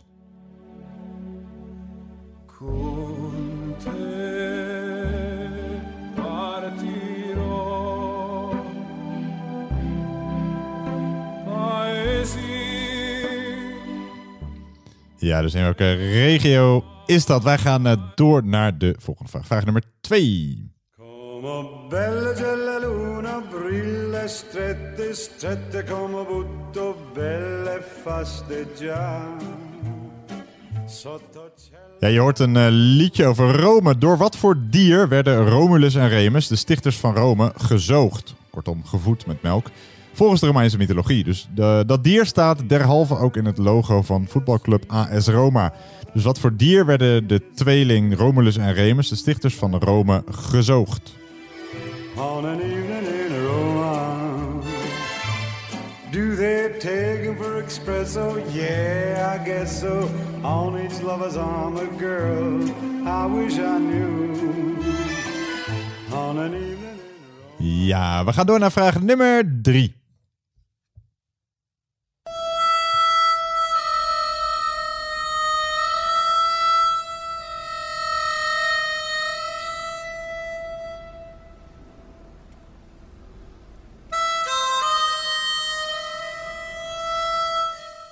Ja, vraag 3. Clint Eastwood speelde vaak mee in de rol van eenzame held in de cowboyfilms van de Italiaanse regisseur Sergio Leone, zoals Fistful of Dollars uit 1964, For a Few Dollars More uit 1965 en natuurlijk The Good, The Bad and The Ugly, die in 1966 werd uitgebracht als Il Buono, Il Brutto, Il Cattivo. Hoe werden die films, volgens sommigen oneerbiedig, genoemd? Van de Italiaanse componist Ennio Morricone, die vaak eh, eh, de muziek verzorgde van deze films. Mocht je deze term trouwens absoluut niet gebruiken. Morricone ervoer ze als zeer beledigend. Ook de term soundtrack was taboe. Er moest worden gesproken over filmmuziek. Wat was de veelgebruikte bijnaam of verzamelnaam voor deze door Italianen gemaakte films in de jaren 60 en 70 die populair waren bij een groot publiek?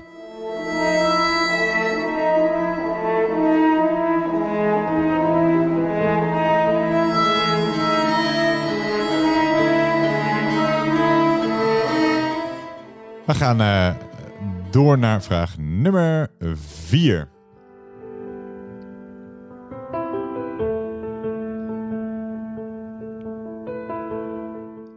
Hij was eh, van 1922 tot 1943 minister-president van Italië, Benito Mussolini. Na de mars op Rome in oktober 1922 kwam Mussolini aan de macht en maakte van Italië een fascistische staat. Wat was de bijnaam van Mussolini? Sinds 1924 liet hij zich verheerlijken met die bijnaam en de toevoeging Ha sempre ragione, ofwel hij die altijd gelijk heeft. Jaren na zijn dood in 1945 werd officieel grootheidswaanzin bij hem vastgesteld. Hoe luidde die bijnaam van Benito Mussolini?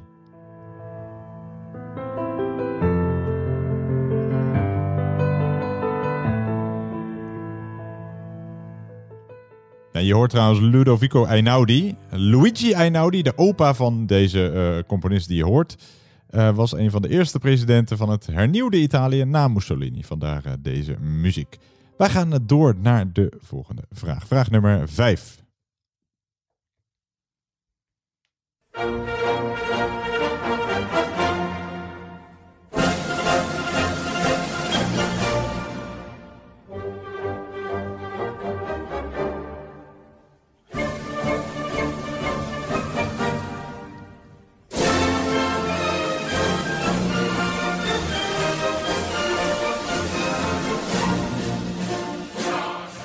Ja, je hoort eh, een van de mooiste volksliederen van eh, de wereld, kun je wel zeggen. La Squadra Azzurra, oftewel de Azzurri, won in eh, de zomer van 2021 het uitgestelde EK voetbal 2020 door in de finale Engeland met penalties te verslaan.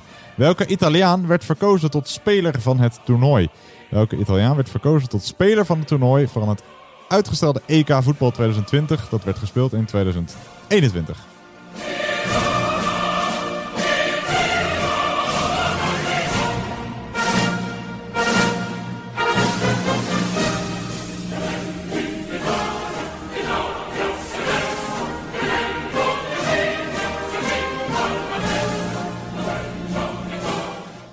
Ja, tot zover het eh, Italiaanse volkslied. Je kan hem naar blijven luisteren, hè? Zeker. Maar doen we niet. Eh, we gaan naar eh, vraag nummer 6.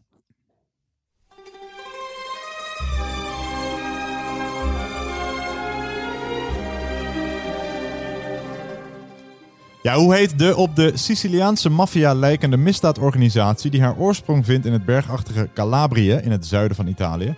Deze is eh, momenteel groter in de wereld dan de Cosa Nostra, een van de machtigste criminele organisaties ter wereld. De naam van de organisatie stamt vermoedelijk uit het Grieks en zou het genootschap van moedige mannen betekenen. Al verschillende meningen hierover. Een andere betekenis zou kunnen zijn dat het een samentrekking is van de oud-Griekse woorden voor man en goede. Daarmee zou de betekenis dus goede mannen worden. Hoe heet deze maffia-organisatie? Een van de grootste en machtigste criminele organisaties van Europa.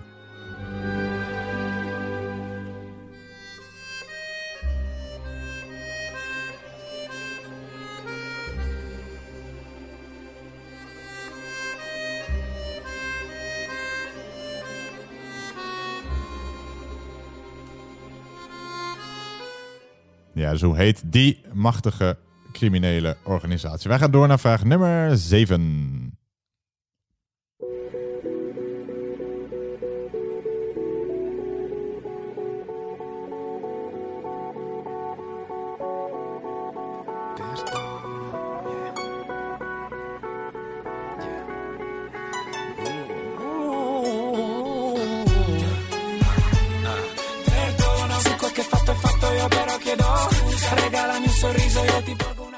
Ja, vraag 7. Over welke legendarische Italiaanse wielrenner gaan de volgende hints? Hij was een sprinter en wordt zelfs beschouwd als een van de beste sprinters aller tijden. Zijn bijnamen waren eh, Il Magnifico en Il Re Leone, respectievelijk de Schitterende en de Leeuwenkoning. En zo had hij nog een aantal bijnamen. Behaalde 42 etappenzegers in de Giro d'Italia, 12 in de Tour de France en 3 in de Vuelta. En werd in 2002, het jaar dat ook dit nummer uitkwam, wereldkampioen op de weg. En hij reed de Tour de France in 1999 met een foto van Pamela Anderson op zijn stuur om zijn testosteronspiegel hoog te houden. Over welke legendarische Italiaanse sprinter gaat dit?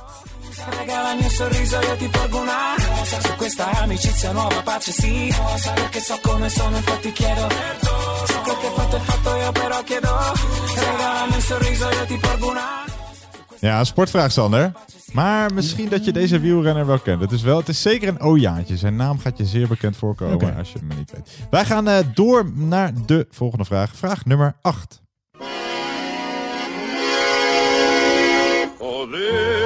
This is the night, it's a beautiful night, and they call it a bella. Ja, een eh, culinaire topo-taalvraag. Het woord pesto is afgeleid van het Italiaanse woord pestare, wat fijnmalen betekent, vanwege het fijnmalen van basilicum. Uit welke Italiaanse stad komt de originele pesto oorspronkelijk? Als je de volledige naam van pesto kent, kun je het daaruit afleiden. Dus uit welk land, nee, uit welke stad, sorry, komt de eh, klassieke Italiaanse pesto? Dus uit welke stad komt de klassieke Italiaanse pesto? Here, the night will weave its magic spell when the one you love is near. En we houden de Bella Notte laten wij achter ons. Wij gaan door naar vraag nummer 9.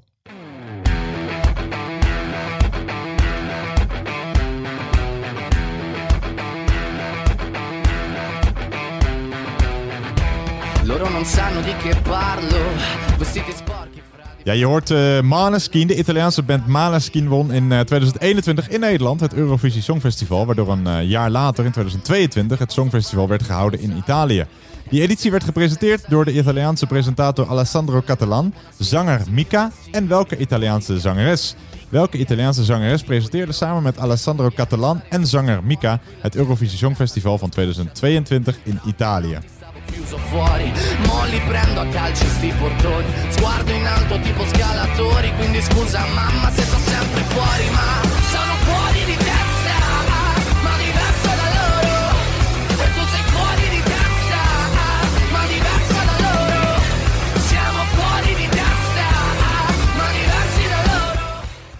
blijft toch een eh, lekker nummertje. Ja, Sowieso, hè? die editie in Nederland, dat zijn allemaal leuke Songfestival-hitjes die zijn eh, achtergebleven. Die Het zal weer eens niet zo zijn. Ja, precies. Wij hebben het weer goed gedaan. Wat zijn we dat wij als klein landje God. groot in kan zijn. Ja. hè? Pot, verdikkie man. hey, we gaan door naar de laatste vraag van deze ronde. Vraag nummer 10.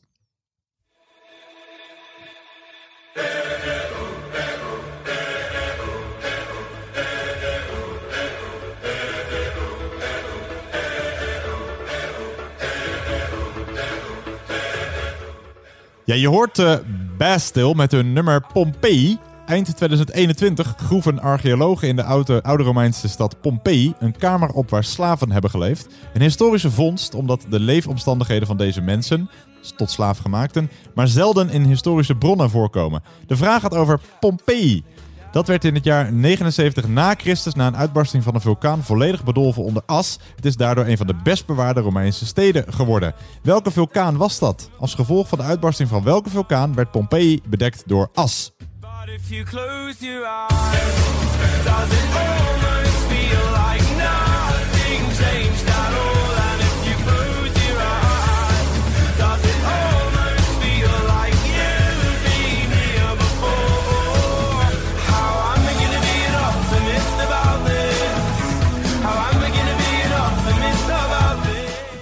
Ja, Ja. Ronde Italië zit erop. Eh, hoe vaak per jaar zit jij in Italië? Nou, eh, dit- nou, niet per se heel vaak per jaar. Dit jaar bijvoorbeeld niet. Dit jaar niet. Kijk, oeh, dat gaat je misschien opbreken. nee, we- heb je een favoriete Italiaanse stad? Ehm, ja, ik vind Florence wel echt een mooie stad. Ja. In het Ita- Italiaans ook wel genoemd. Florence. Firenze. Firenze, oh, Firenze, oké. ja, Firenze. Had ook een vraag kunnen zijn. Dus waarschijnlijk ga je vraag 1 goed hebben. Goed, Ja. gaan we allemaal controleren. We gaan namelijk nu naar de goede antwoorden van de ronde, vierde ronde Italië. Want we begonnen met eh, Florence en, en Siena en Luca en Pisa. Dan heb je ongeveer de vier kinderen van Marco Borsato, geloof ik. Maar in welke regio in Midden-Italië liggen die eh, steden? Uh, Toscane. Ja, klopt, Toscane. Dat was denk ik geen moeilijke vraag om mee te beginnen. Vraag 2. Door wat voor dier werden eh, Romulus en Remus, de tweeling en stichters van Rome, gezoogd? Ik dacht dat dat naar verluid wolven waren. Ja, klopt. Een. Eh dat Oh, klopt. wolf. Een wolf, een. Wolf. En eh, de voetbalkenner weet dat er in het logo van AS Roma, een club die in het Rotterdamse gedeelte van Nederland eventjes niet zo goed wordt- Populair Nee, is. niet zo populair is. Staat ook in het logo van AS Roma. Dus troeiant, dus wolf of wolvin. Dan vraag 3. dat gaat over die films, de Italiaanse films, de Italiaanse regisseurs gemaakt, die in de jaren 60 en 70 populair waren. Hoe werden die eh, door sommigen eh, oneerbiedig gevonden genoemd? Spaghetti westerns. Ja, klopt. Spaghetti westerns. Eh, dat vond Ennio Morricone not done. Nee. Maar goed, zo staat het wel bekend. Spaghetti westerns. Dan vraag 4. Wat was de bijnaam door hemzelf gekozen van Benito Mussolini? Il Duce. Il Duce, dat is helemaal goed. Ja, en ik dacht dat in het Spaans betekent dat Duce is... eh nee, dat is Dulce trouwens, dat maakt niet uit. Het betekent eh, van het Latijnse woord dux komt het legeraanvoerder. Oh. Ja, ik had ook iets mooiers verwacht en iets heel poëtisch of zo, maar het betekent gewoon legeraanvoerder. Ah. En hij werd... ehm, Zo eh, noem ik mezelf liefkozend de antwoordgever. Nou, nou, dat is heel feitelijk. ja. ik, mijn bijnaam is ook wel de quizmaster. nee, hij werd eh, door de straten gesleept en zo en op zijn kop opgehangen en zo toen hij eh, niet meer leefde natuurlijk. maar, eh, Zonde. ja, eeuwig zonde. Benito Mussolini. Je hebt me wel goed. Dan vraag 5. Ja, dat wordt een lastige, denk ik. Welke Italiaan werd verkozen tot speler van het toernooi? Bij het EK 2021, tenminste het EK 2020, dat werd gespeeld in 2021. Mm, ja, dat weet ik, dat weet ik niet. Ik, even, ik zit even heel hard te denken of ik überhaupt een Italiaanse voetballer bij naam kan noemen. Zou ik ook knap vinden. Eh, ik denk dat het, eh, dat het Leo Borsato was. Leo Borsato. Nee, Ja. die eh, werd tweede. nee. het goede antwoord is degene die ook eh, met zijn laatste actie ervoor zorgde dat Italië Europees kampioen werd. Hij stopte namelijk de penalty van Ah, de penalty. de ja van Sa, nou ga ik opzoeken van een Engelsman. Ja. En hij heette Gianluigi Donnarumma. Gianluigi Oké. Donnarumma. Eh, dus die heb je niet goed. Dan vraag 6. welke eh maffia-organisatie bedoelde ik? Een van de grootste en machtigste criminele organisaties van Europa.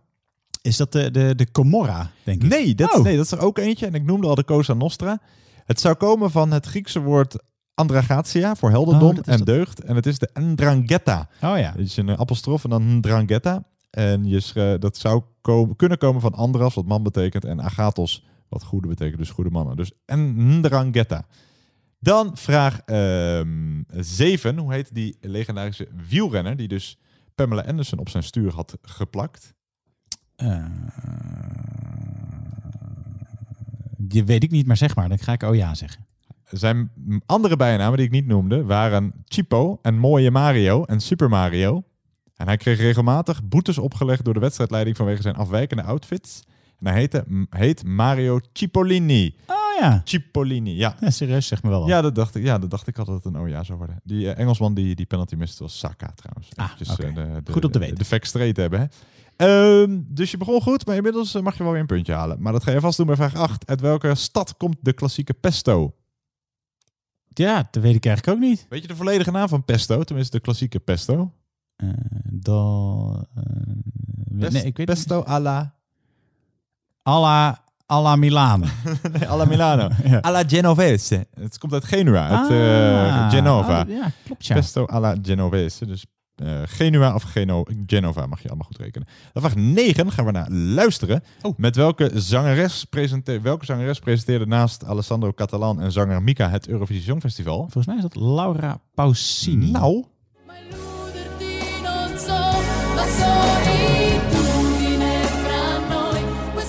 Dit is de... Dit is, hoorden we net ook al, maar dan Paul Leeuw, ja? Paul Leeuw. Ja, nee, we hoorden Ja. een ander nummertje van Paul Leeuw, maar dit was Oh, wel Paul Leeuw's, eh, nou ook een groot. Ik wil, gecoverd. ik wil niet dat je Oh, dat, dat is denk ik zijn grootste hit, Dat toch? denk ik ook, ja. Dat nou, of ik heb je liefst dat nog hoger, denk ik. Maar je hoort hier, eh, ja, natuurlijk eh, Laura Pausini, die presenteerde dat Songfestival. Dat ging niet altijd even goed. Volgens mij ging ze oud of zoiets. Was ze, verdween ze zelfs even.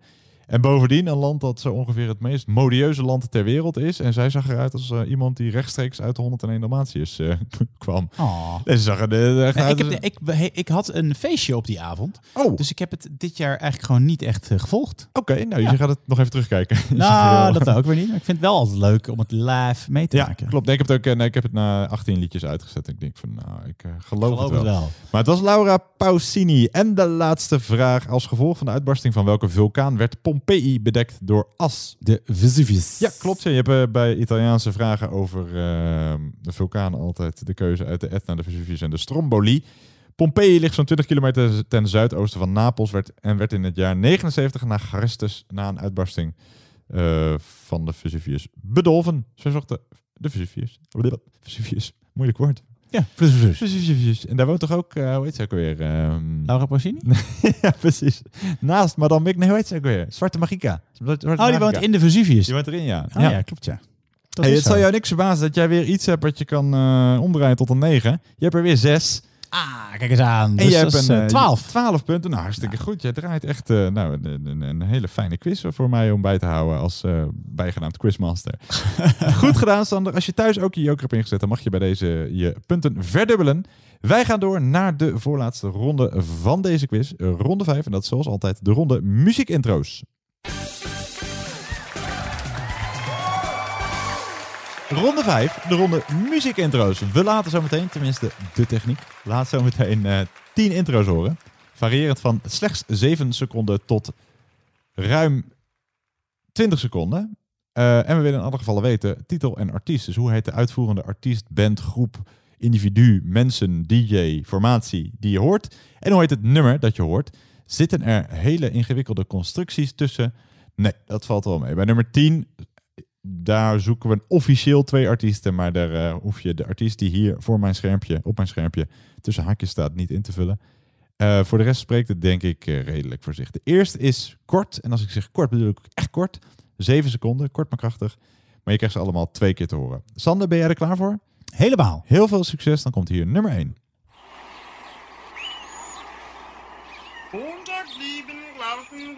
Ja, dat is kort. Ja, dat is kort, ja. Nummer twee. Was eigenlijk niet eens nee, was- muziek. nee, was, nee, nee, eigenlijk niet eens. Maar weet je hem wel? Ja. Ja, dat dacht ik al. Daarom dacht ik van dit, die, die zeven secondjes die, ehm, zijn wel voldoende. Nummer twee is ook niet lang hoor. 12 seconden. Kun je hem ook al weten? Dat weet ik hem ook al hoor.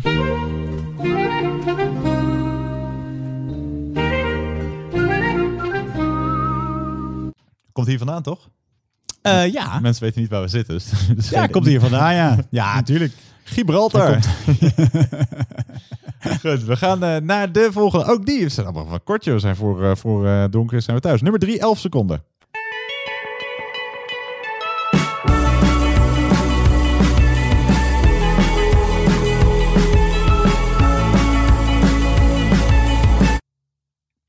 Hopsakee. Komt ook hier vandaan. We zijn even verhuisd. Nee, komt niet.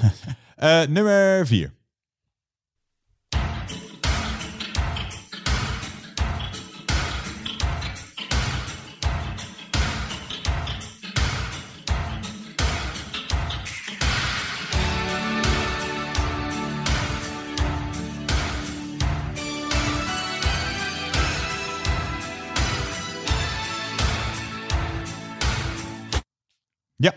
Ja, dat was eh, ietsje langer. Nou, de langste is nummer 5. Die krijg je eh, ruim 40 seconden te horen. Het schijnt een harde bas te hebben, dus mocht je dat kunnen beïnvloeden, doe hem ietsje zachter. Tenminste, een harde doef eronder als onderteun. Nou goed, laat maar zitten. Laat maar horen. Zet maar gewoon aan. God, wat een harde bas. Ja, is dat een bas? Ja, dat is ook een bas. Ja. Oké.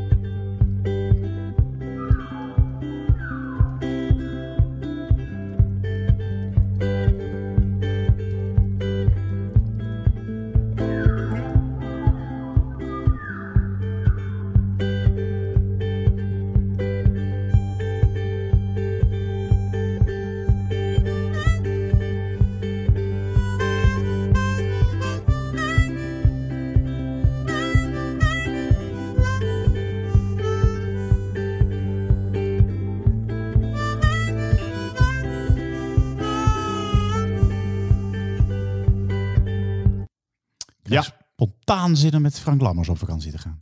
Eh, Door dit nummer. Want die heeft iets met het nummer? Ja, zeker. Echt? Oh, dat mag je zo en meteen toelichten. in deze context. Echt waar? Oh nee, ik weet helemaal niet weten. Dat meen ik Nee? serieus. Nou, dan ga, mag je zo meteen uitleggen, want waarschijnlijk ga je iets verklappen als je het zegt. Ja. We gaan eerst naar nummer 6.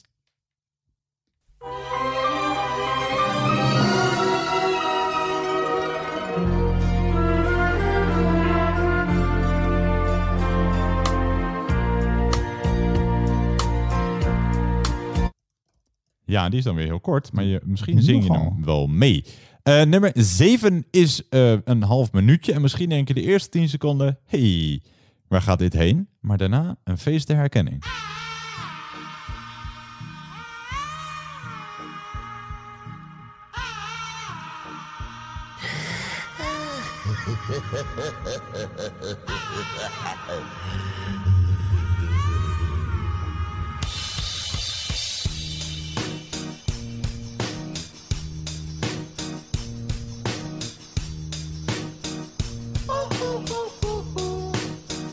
Ja. En zometeen bij het herhalen laten we dat eh, meer herkenbare niet meer horen. Want dan laten we maar een seconde of zes horen. Maar eh, inmiddels eh, wel hè.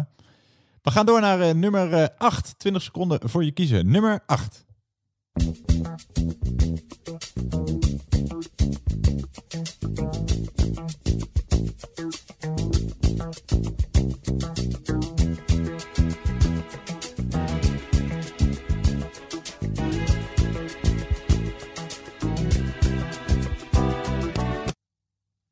Nummer 8 was dat. Eh, dan komen wij aan bij eh, nummer 9, 17 seconden.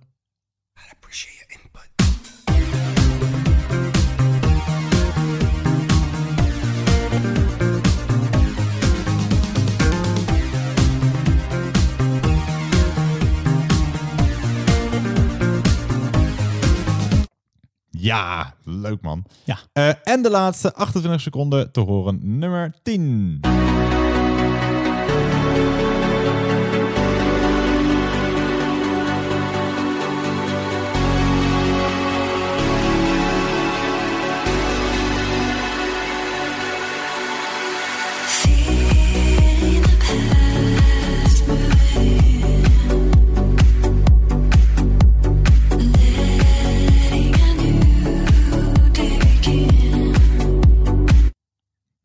Een beetje tekst erbij dit keer om je misschien een beetje de goede kant op te duwen. Krijg je zometeen bij het herhalen niet meer te horen. Sterker nog, nu bij het herhalen, want hier komen ze alle tien nog één keer in sneltreinvaart. Nummer 1.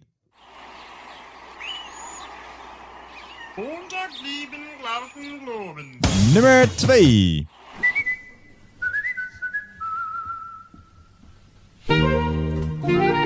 Nummer 3.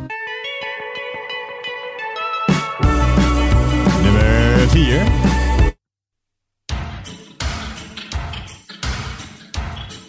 Nummer 5.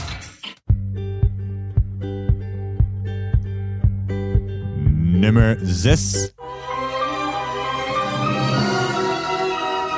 Nummer 7. Nummer 8.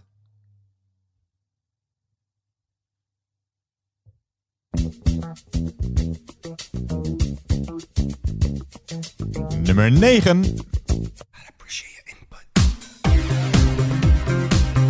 En nummer 10.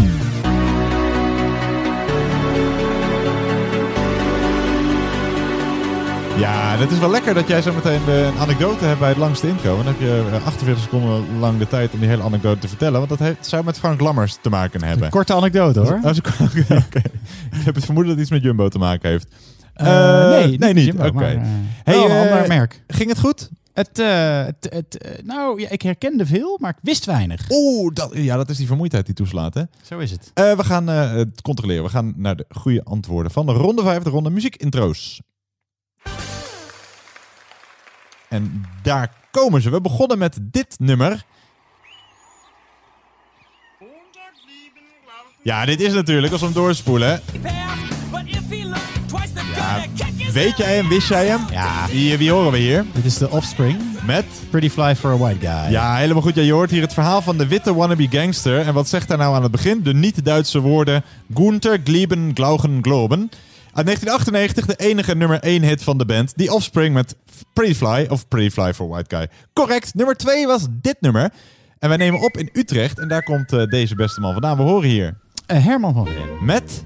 Anne. Nou. Ja, het gaat over zijn eh, dochter. En niet over Babette, maar wel over Anne van Veen. Heb jij een goede Herman van Veen imitatie? Nee, Ja, nou, een beetje. ke- Keurig. Nou, kan er mee door. hey, dank twee je. uit, eh, twee uit twee. Anne met Herman van Veen. Maar dan andersom, uit 1986. Dan nummer drie. Dit nummer was dat.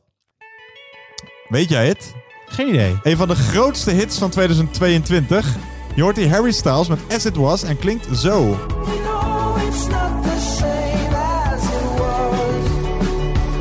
Ja, een van de grootste hits dus van 2022 staat of stond in alle hitlijsten op één. Wereldwijd, dus ook in alle Ik ken het Nederlandse wel. Het zal Ja. wel komen dat het op één stond. Ik heb geen ja, idee. Als je, nou, als je in de auto zit, hoor je het waarschijnlijk op elke radiostation wel een keer voorbij komen. We, hoor- we hoorden Harry Styles met As It Was. Dan nummer 4 uit 1987. Vond ik een moeilijke. Maar was, kwam ook uit een jaar voordat ik eh, op deze wereld kwam. Weet jij het? Geen idee. Je hoort hier eh, de hit van de gebroeders Gibb, oftewel de Bee Gees, met het nummer You Win Again. En dat klinkt zo. Ik vind het waanzinnig. Ja, de Bee Gees met eh, even, misschien eh, niet zo bekend als Stayin' Alive en How Deep Is Your Love. Ja. Maar You Win Again. Dan nummer 5. Ik ga er even goed voor zitten. 47 seconden lang horen wij hier de anekdote van Sander Denneman. Nou, kijk, waar het begon in 19... Nee, eh, nee.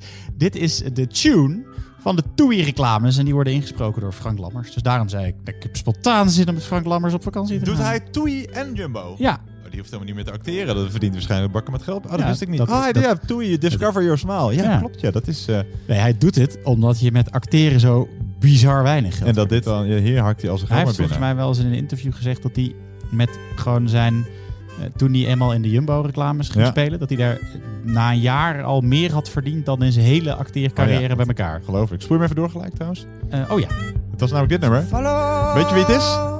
Eh, dit is de zoon van Javier Rut. Ja, ja, Xavier Ruud is de Australische singer-songwriter, multi-instrumentalist en ooit verkozen tot meest sexy vegetariër ter wereld. Oh. Xavier Ruud met Follow the Sun. Maar hij verdient, ja, dat geloof ik wel. Dat hij, volgens mij heeft Johan Derksen ook ooit gezegd dat hij met een reclame zijn volledige badkamer kon betalen of zo. En dat was dan een hele dure badkamer of zo. Maar ja, je verdient bakken met geld daarmee. Dat eh, geloof ik wel, ja. Je moet alleen je... eh, je, Je moet achter het merk staan. Ja, je- en je eer misschien een beetje opzij zetten als je als Diederik Ebbing Aldi gaat eh, inspreken.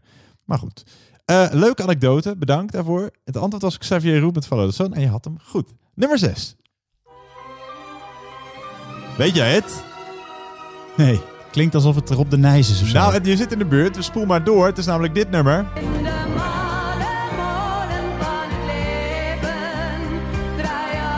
Ja, je hoort Hedy Lester, Hedy Lester met De Malle Molen uit 1977. Won dat jaar het Nationaal Songfestival en werd twaalfde op het Eurovisie Songfestival. Hedy Lester met De Malle Molen, ook ooit ge- uitgebracht door Humphrey Campbell. Maar we zochten Hedy Lester met De, de Malle Molen. Wel dezelfde periode dus als Rob. Ja, klopt. Ja. Alleen eh, een andere artiest. Ja, een ander een nummer ander ook. nummer. Niks met elkaar te maken. Nee, dan nummer 7. Wist jij het hier al? Ja. Oh, hier wist jij het al. Ja. Wie hoor je hier? De Gorilla's. Met het nummer? Of Gorilla's met Clint Eastwood. Ja, klopt. En dat klinkt zo. Ja, aan het begin van dit nummer hoor je dus een stukje dat rechtstreeks refereert aan de film The Good, The Bad and The Ugly. Een film met eh, Clint Eastwood. Het was de debuutsingle van de virtuele band Gorillaz. Inderdaad, zonder de officieel. En dit is dus eh, dezelfde zanger als die van... Eh, ja, wat is nou weer? Van Blur. Oh ja. Damon Albarn. Ja, toen ik dat voor het eerst hoorde, mijn oren stonden te klapperen. Ik wist niet wat ik hoorde. Nee, het is dezelfde zanger als... de, de zanger van Blur is de zanger van de Gorillaz. We hoorden Gorillaz met Clint Eastwood. Dan nummer 8 uit 1977. Weet jij het? Ja, dit is Lovely Day. Van? Van Bill Withers. Klopt, een van de prettigste oorwormen als je het mij vraagt. Uit 1977. Want in de laatste anderhalve minuut zegt hij niets anders dan... Just one look at you, Nou, nog niet. and I know it's gonna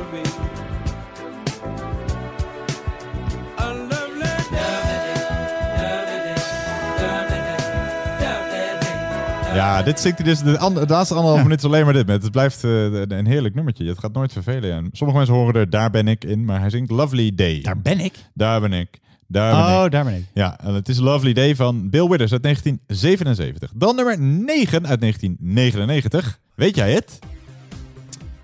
Dit is de Bloodhound Gang. Correct. Maar, en het, is, het heeft een eh, heel lekker refrein, maar ik weet het, ik ben even vergeten hoe het heet. Het nummer heet The Bad Touch. Oh, en ja. klinkt zo. Style so we can now. Ja, en de videoclip werd opgenomen in de zomer van 1999. In de clip zijn eh, de leden van de band te zien in apenpakken met grote oren op verschillende plaatsen in Parijs. En ze doen allerlei dingen die je vroeger na 10 uur nog wel eens op televisie kon zien. Of zoals ze zelf zeggen, die je ziet op eh, Discovery Channel. We zochten de Bloodhound Gang met The Bad Touch. En de laatste vond ik een van de moeilijkste, want je herkent het wel, maar wie in hemelsnaam is het? Heb jij enig idee? Of hoe het nummer heet, of... eh, Het komt uit 2008. Mm, nee. Je hoort een hit van de Canadese DJ Joel Thomas Zimmerman, beter bekend onder zijn naam Dead Mouse. En Ja. het nummer heet I Remember en klinkt zo.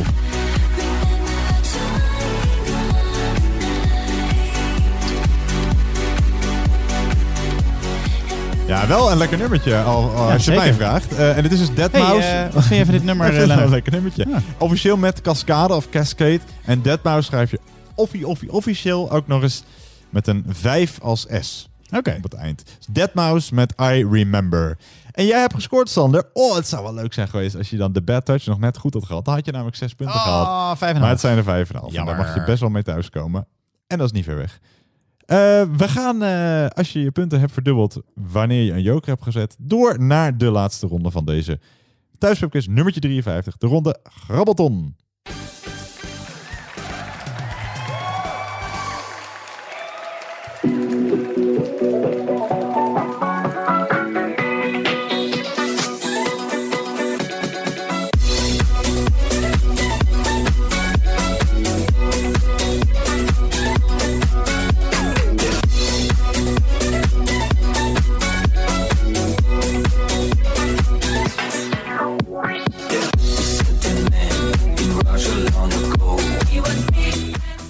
Ja, laatste ronde, Sander. Ja, ik zie jou al eh, tekeer gaan met dit nummer. Natuurlijk hartstikke leuk. Als je nog een joker hebt, zet hem nu in. Hier komt vraag 1. Dit nummer werd in 2021 als remix gecoverd.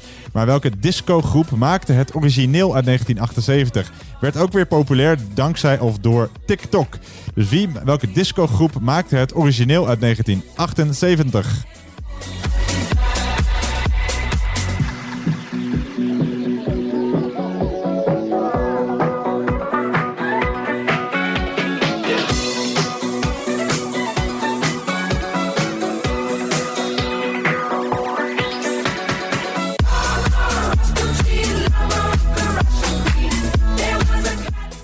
Ja. Ja. Dus welke discogroep eh, was dat in 1978? Wij gaan door naar de volgende vraag. Vraag 2.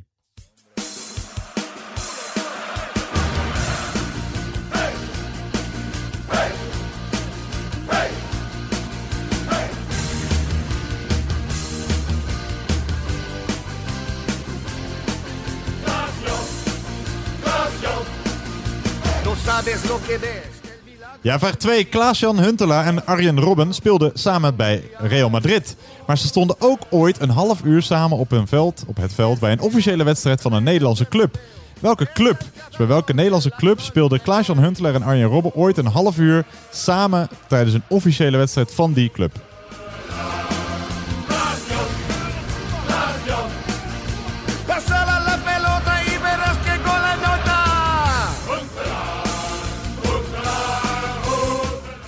Ja, en ik moet iets eh, bekennen, Sander. Want Oh eh, ik heb eh, ooit, hebben, zat er een klein, nou niet eens een foutje, maar een vergissingje in de quiz. Dan vroegen we uit welk land komen Nelly Furtado, Justin Bieber en Barbara Streisand, was het antwoord.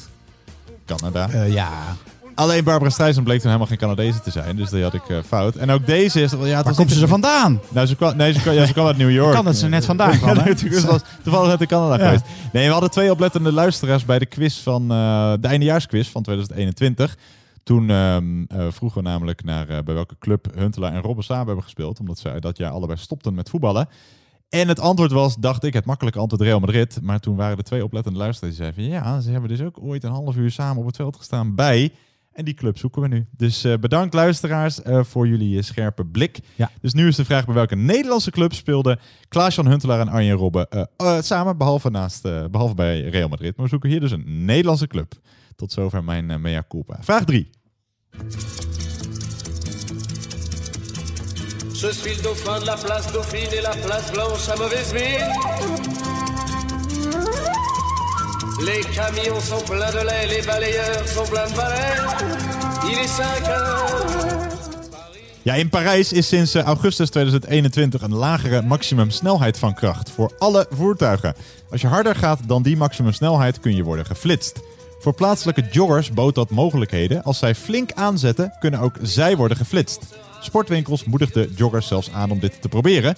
Twee topatleten, Lena Candisounon en Quentin Malric, plaatsten al trots een flitsfoto op hun Instagram. Zij hadden de maximumsnelheid gehaald en waren geflitst. Hoe hard liepen zij minimaal? Wat is kortom sinds de zomer van 2021 de maximumsnelheid op nagenoeg alle wegen in Parijs?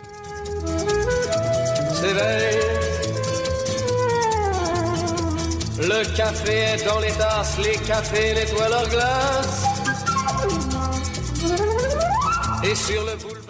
Ja, dus wat is de maximumsnelheid op nagenoeg alle wegen in Parijs? Wij gaan naar vraag nummer 4.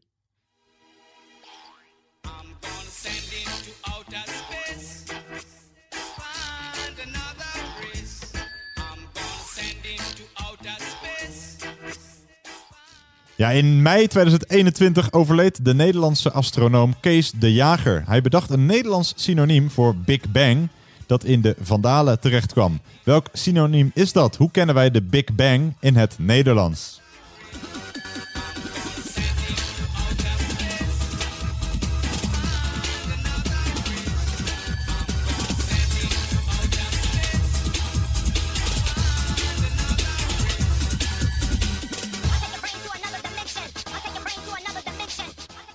Ja, hoe kennen wij de Big Bang in het Nederlands? We gaan door naar vraag nummer 5. Nummer 5.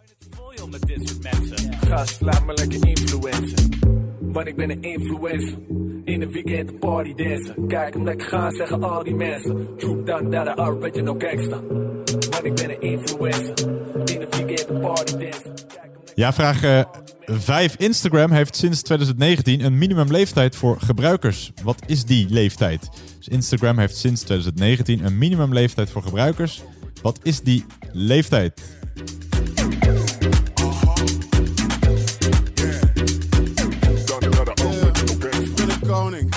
Alles feng shui in mijn woning. We gaan door naar vraag nummer 6. Vraag nummer 6.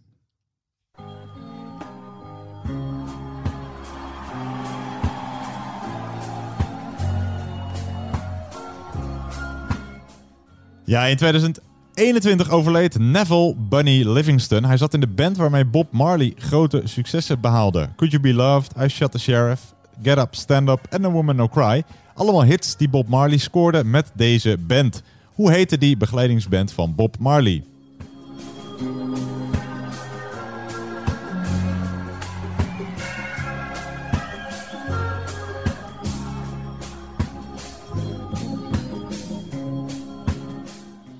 Nou, mooi dat we naar de volgende vraag gaan zonder dat, zonder ook eh, Een seconde No Woman No Cry heeft Je gezegd. moet betalen per woord. Dus hup, door naar vraag nummer 7.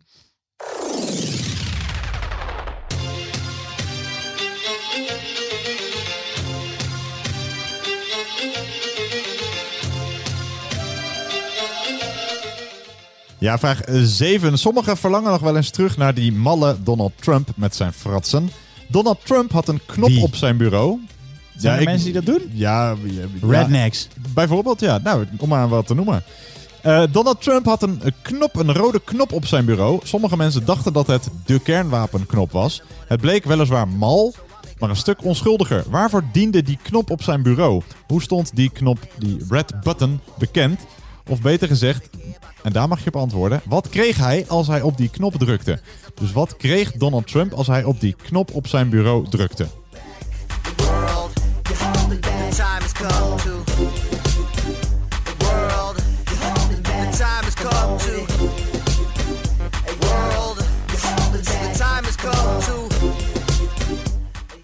Ja, sommigen dachten dus dat het de kernwapenknop was, voor zover iets, zoiets kan bestaan. Maar het bleek eh, mal, maar een stuk onschuldiger. Wij gaan door naar vraag nummer 8. My anaconda don't. My anaconda don't. My anaconda don't want none unless you got buns, hun. Ja, in eh, december kreeg iemand een eh, celstraf opgelegd omdat hij een cobra naar een boa had gegooid. Je moet bij die info wel weten dat het om vuurwerk gaat en niet om slangen. Je, de vraag gaat wel over slangen. Een boa constrictor is, zoals de naam al zegt, een wurgslang. Een cobra is een gifslang. Je hoort het nummer Anaconda van Nicki Minaj. Is een anaconda een gifslang of een wurgslang? Is een anaconda een gifslang of een wurgslang?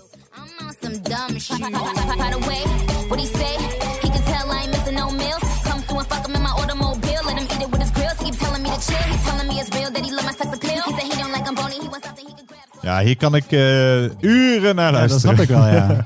maar we moeten helaas door en dat doen we met vraag nummer 9.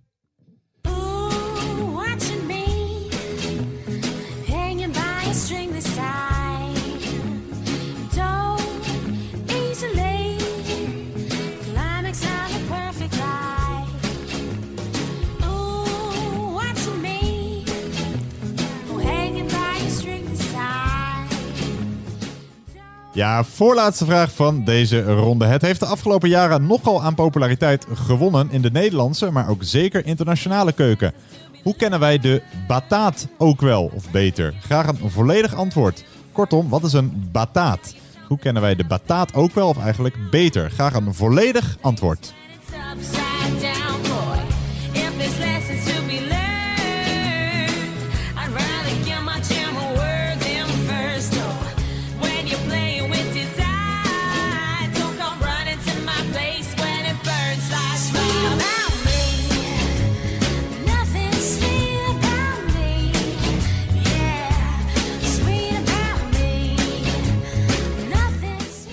Ja, en dan gaan we eens even kijken of er iets sweets is about eh, de laatste question. Eh, laat maar eens even horen welke muziek daarbij hoort. En dan ga ik kijken.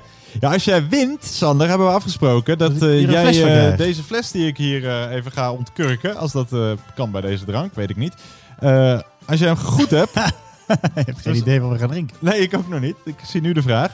Ehm, ja, maar ik heb alleen gezegd, als jij wint, krijg je die prijs. We hebben niet afgesproken hoeveel punten je moet halen. Noem eens een aantal punten. Jij weet niet hoeveel je hebt tot nu toe. Vijf. nou, dan vrees ik dat... eh, Nou, laten we zeggen, als je hem goed hebt, krijg je dit. Oké. Wat zullen we drinken? Welke drank staat bekend als de Nederlandse imitatie van cognac? In de volksmond wordt het ook wel koetsiercognac, koetsiertje of Hollandse cognac genoemd. Het bestaat uit neutrale alcohol waaraan voor de smaak verschillende extracten worden toegevoegd en heeft afhankelijk van de kleuring met karamel een witte tot donkerbruine kleur. Het alcoholpercentage is minstens 35%. Het mag niet meer eh, suiker bevatten dan 20 gram per liter. Hopsakee. Weet jij het? Ik kan wel een gokje doen. Dan zullen we werken, denk dat ik het misschien wel weet. Ja, het werd tot de jaren, jaren 60 onder de naam cognac verkocht. Met eh, de etikettering van de flessen, compleet met halve maandjes, allemaal intact. Imitatie van de grote Franse merken. Maar onder druk van de Franse regering besloot Nederland de oorspronkelijke herkomstbenaming cognac te eerbiedigen. En werd er een nieuwe naam gekozen. Wat werd die nieuwe soortnaam? Eh, ja. En je mag het nog niet zeggen, Sander. Nee, maar, maar zometeen wel. Ik denk dat ik het misschien wel weet. Ja, oké. nou, we gaan het zien. Nou, Ik ga eventjes een andere prijs. Ik weet hoeveel punten jij eh, nu hebt. Als je boven de 45 hebt, dan krijg jij van mij deze fles. En je hebt nu 38,5. Ik weet niet of ik hem wil. Nee, dat kan me goed voorstellen. Dus je hebt 38,5, dus je moet 6,5 punten halen. Oké, ik ga ervoor. We gaan Zeven naar punten dus. De goede antwoorden. Ja, of een half. Kun je ergens half punten halen? Nee, hè? Nee, nou goed. Eh, we gaan naar de goede antwoorden van ronde 6, de ronde Grabbelton. Ja, de goede antwoorden van eh, eh, ronde 6, de laatste goede antwoorden van deze quiz. We gaan eh, luisteren naar het goede antwoord van vraag 1. Tenminste, we gaan eigenlijk naar het exact hetzelfde fragment luisteren. Namelijk dit fragment. Welke discogroep maakt het origineel in 1978 van dit nummer? Dit, origineel, dit is Rasputin, toch? Ja, maar wie, welke discogroep was het? De Boney M. Boney M, klopt ja. Ja, de groep rondom Bobby Farrell. Bobby Farrell. Het goede antwoord is Boney M. Ja, lekker nummertje wel. Wat verdikkie zegt. Wat die Rasputin allemaal uitspookte, dat eh, weten we niet meer. Maar niet, eh, maar hey, hij bedreef veel de liefde. ja, nou dat, is heel beter belangrijk. dan eh, de huidige Poetin. Precies, make love not war. Zo is het. Het antwoord is Boney M. Dan vraag 2. Bij welke club speelden Klaas van Huntelaar en Arjen Robben samen, tenminste heel kort, in Nederland? Eh, FC Groningen. Oeh, nee, daar speelde Arjen Robben wel. Maar Klaas van Huntelaar niet. Die kwam uit eh, de jeugd van de Graafschappen, volgens mij toen AGOVV en zo. Maar Huntelaar speelde ook in de jeugd van PSV. En had begin deze eeuw ook een eh, profcontract, maar slaagde niet echt bij PSV. Toch stonden Huntelaar en Robben ooit wel samen op, een, eh, op het veld tijdens een officiële wedstrijd. Huntelaar speelde één officiële wedstrijd voor PSV. Hij viel in 2002 eh, het laatste half uur in tegen RBC Roosendaal, inmiddels ter ziele. En toen stond Robben ook nog op het veld. Dus wij zochten PSV. Oké. Dan vraag 3. Wat is sinds de eh, zomer van 2021 de maximumsnelheid op nagenoeg alle wegen in Parijs? En je moest ook even bedenken wat een topatleet kan lopen. Want Ja. zij zijn dus geflitst. Ik ehm eh, denk 25 of 30. Wat ga ik voor? 30. Dat is goed. Ja, helemaal ja, correct. Het is 30 km per uur. Die Candy Sonon liep op haar flitsfoto 36 km per uur. Die Malrique liep zelfs 38 km per uur. Dan ben je wel echt aan het sprinten hoor. Ja. Maar 30 is eh, correct. Dan vraag 4. Wat is de Nederlandse eh, vertaling of eigenlijk het Nederlandse synoniem voor Big Bang?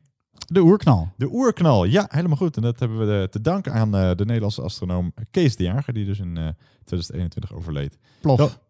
De plof, inderdaad. ja. Ik deed hem even na. Ja, oh, zo ja. Nou, naar de eeuwige jacht. Nou goed. En dan vraag 5. wat is de minimumleeftijd van eh, Instagram? Die dus bestaat sinds 2019. Eh 12? Nee, het is 13. Hele gekke leeftijd vind ik Ja. dat voor een minimumleeftijd. Eerder hoefden gebruikers van Instagram alleen aan te geven dat ze ouder zijn dan 13 jaar.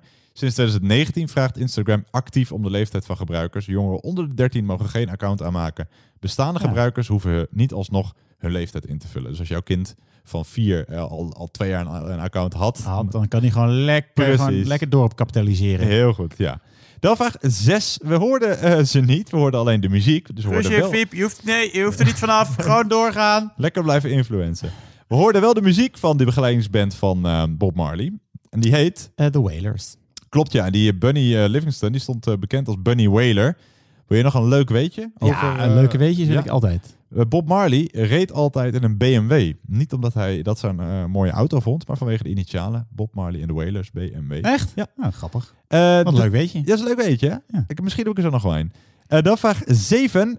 dat is eigenlijk een leuk weetje. Waarvoor diende die knop op het bureau van Donald Ja. Trump? Mensen dachten dus van, oh, kernwapenknop. Nee, joh, dat is de nuclear football. Ja, nee, dus wat denk jij dat hij kreeg als hij op die knop drukte? Wat zou... Ik denk whisky. Nee, volgens mij is hij namelijk geheel onthouder. Oh. Tenminste, qua alcohol. Voor de rest onthoudt hij zich van heel weinig.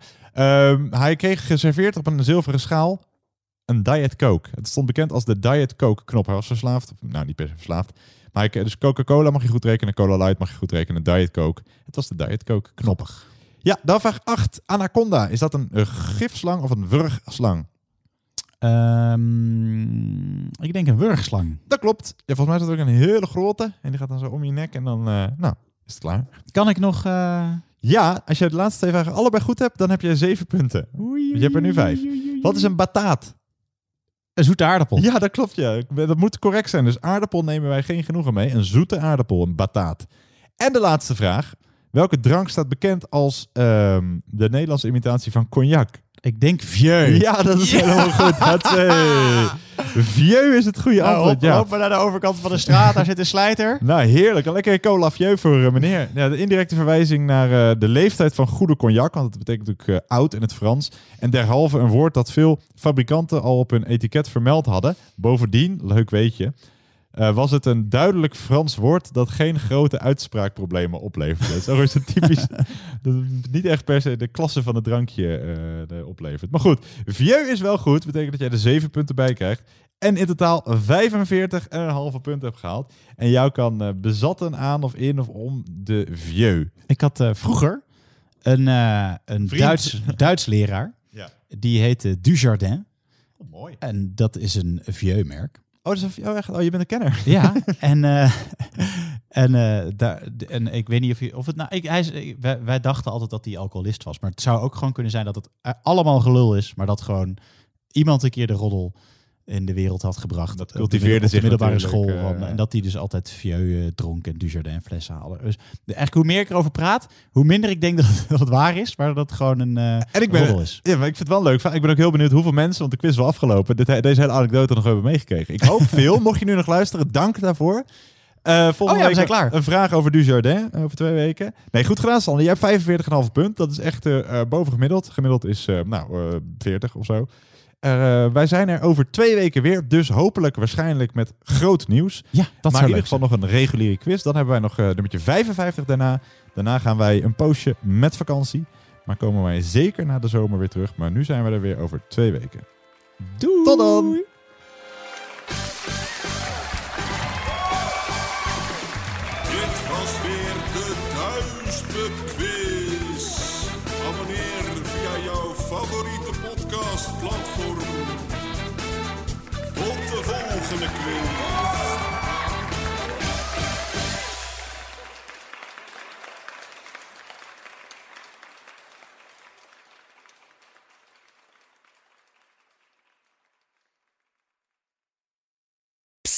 Ronald Gibbert hier. Heb je het al gehoord? Fluister is het gloednieuwe Nederlandse audioplatform met duizenden unieke e-books, luisterboeken en podcasts van eigen bodem. Bekende auteurs en journalisten delen hier hun favoriete lijstjes en tips, zodat je altijd jouw nieuwe verhaal vindt. Ga naar fluister.nl.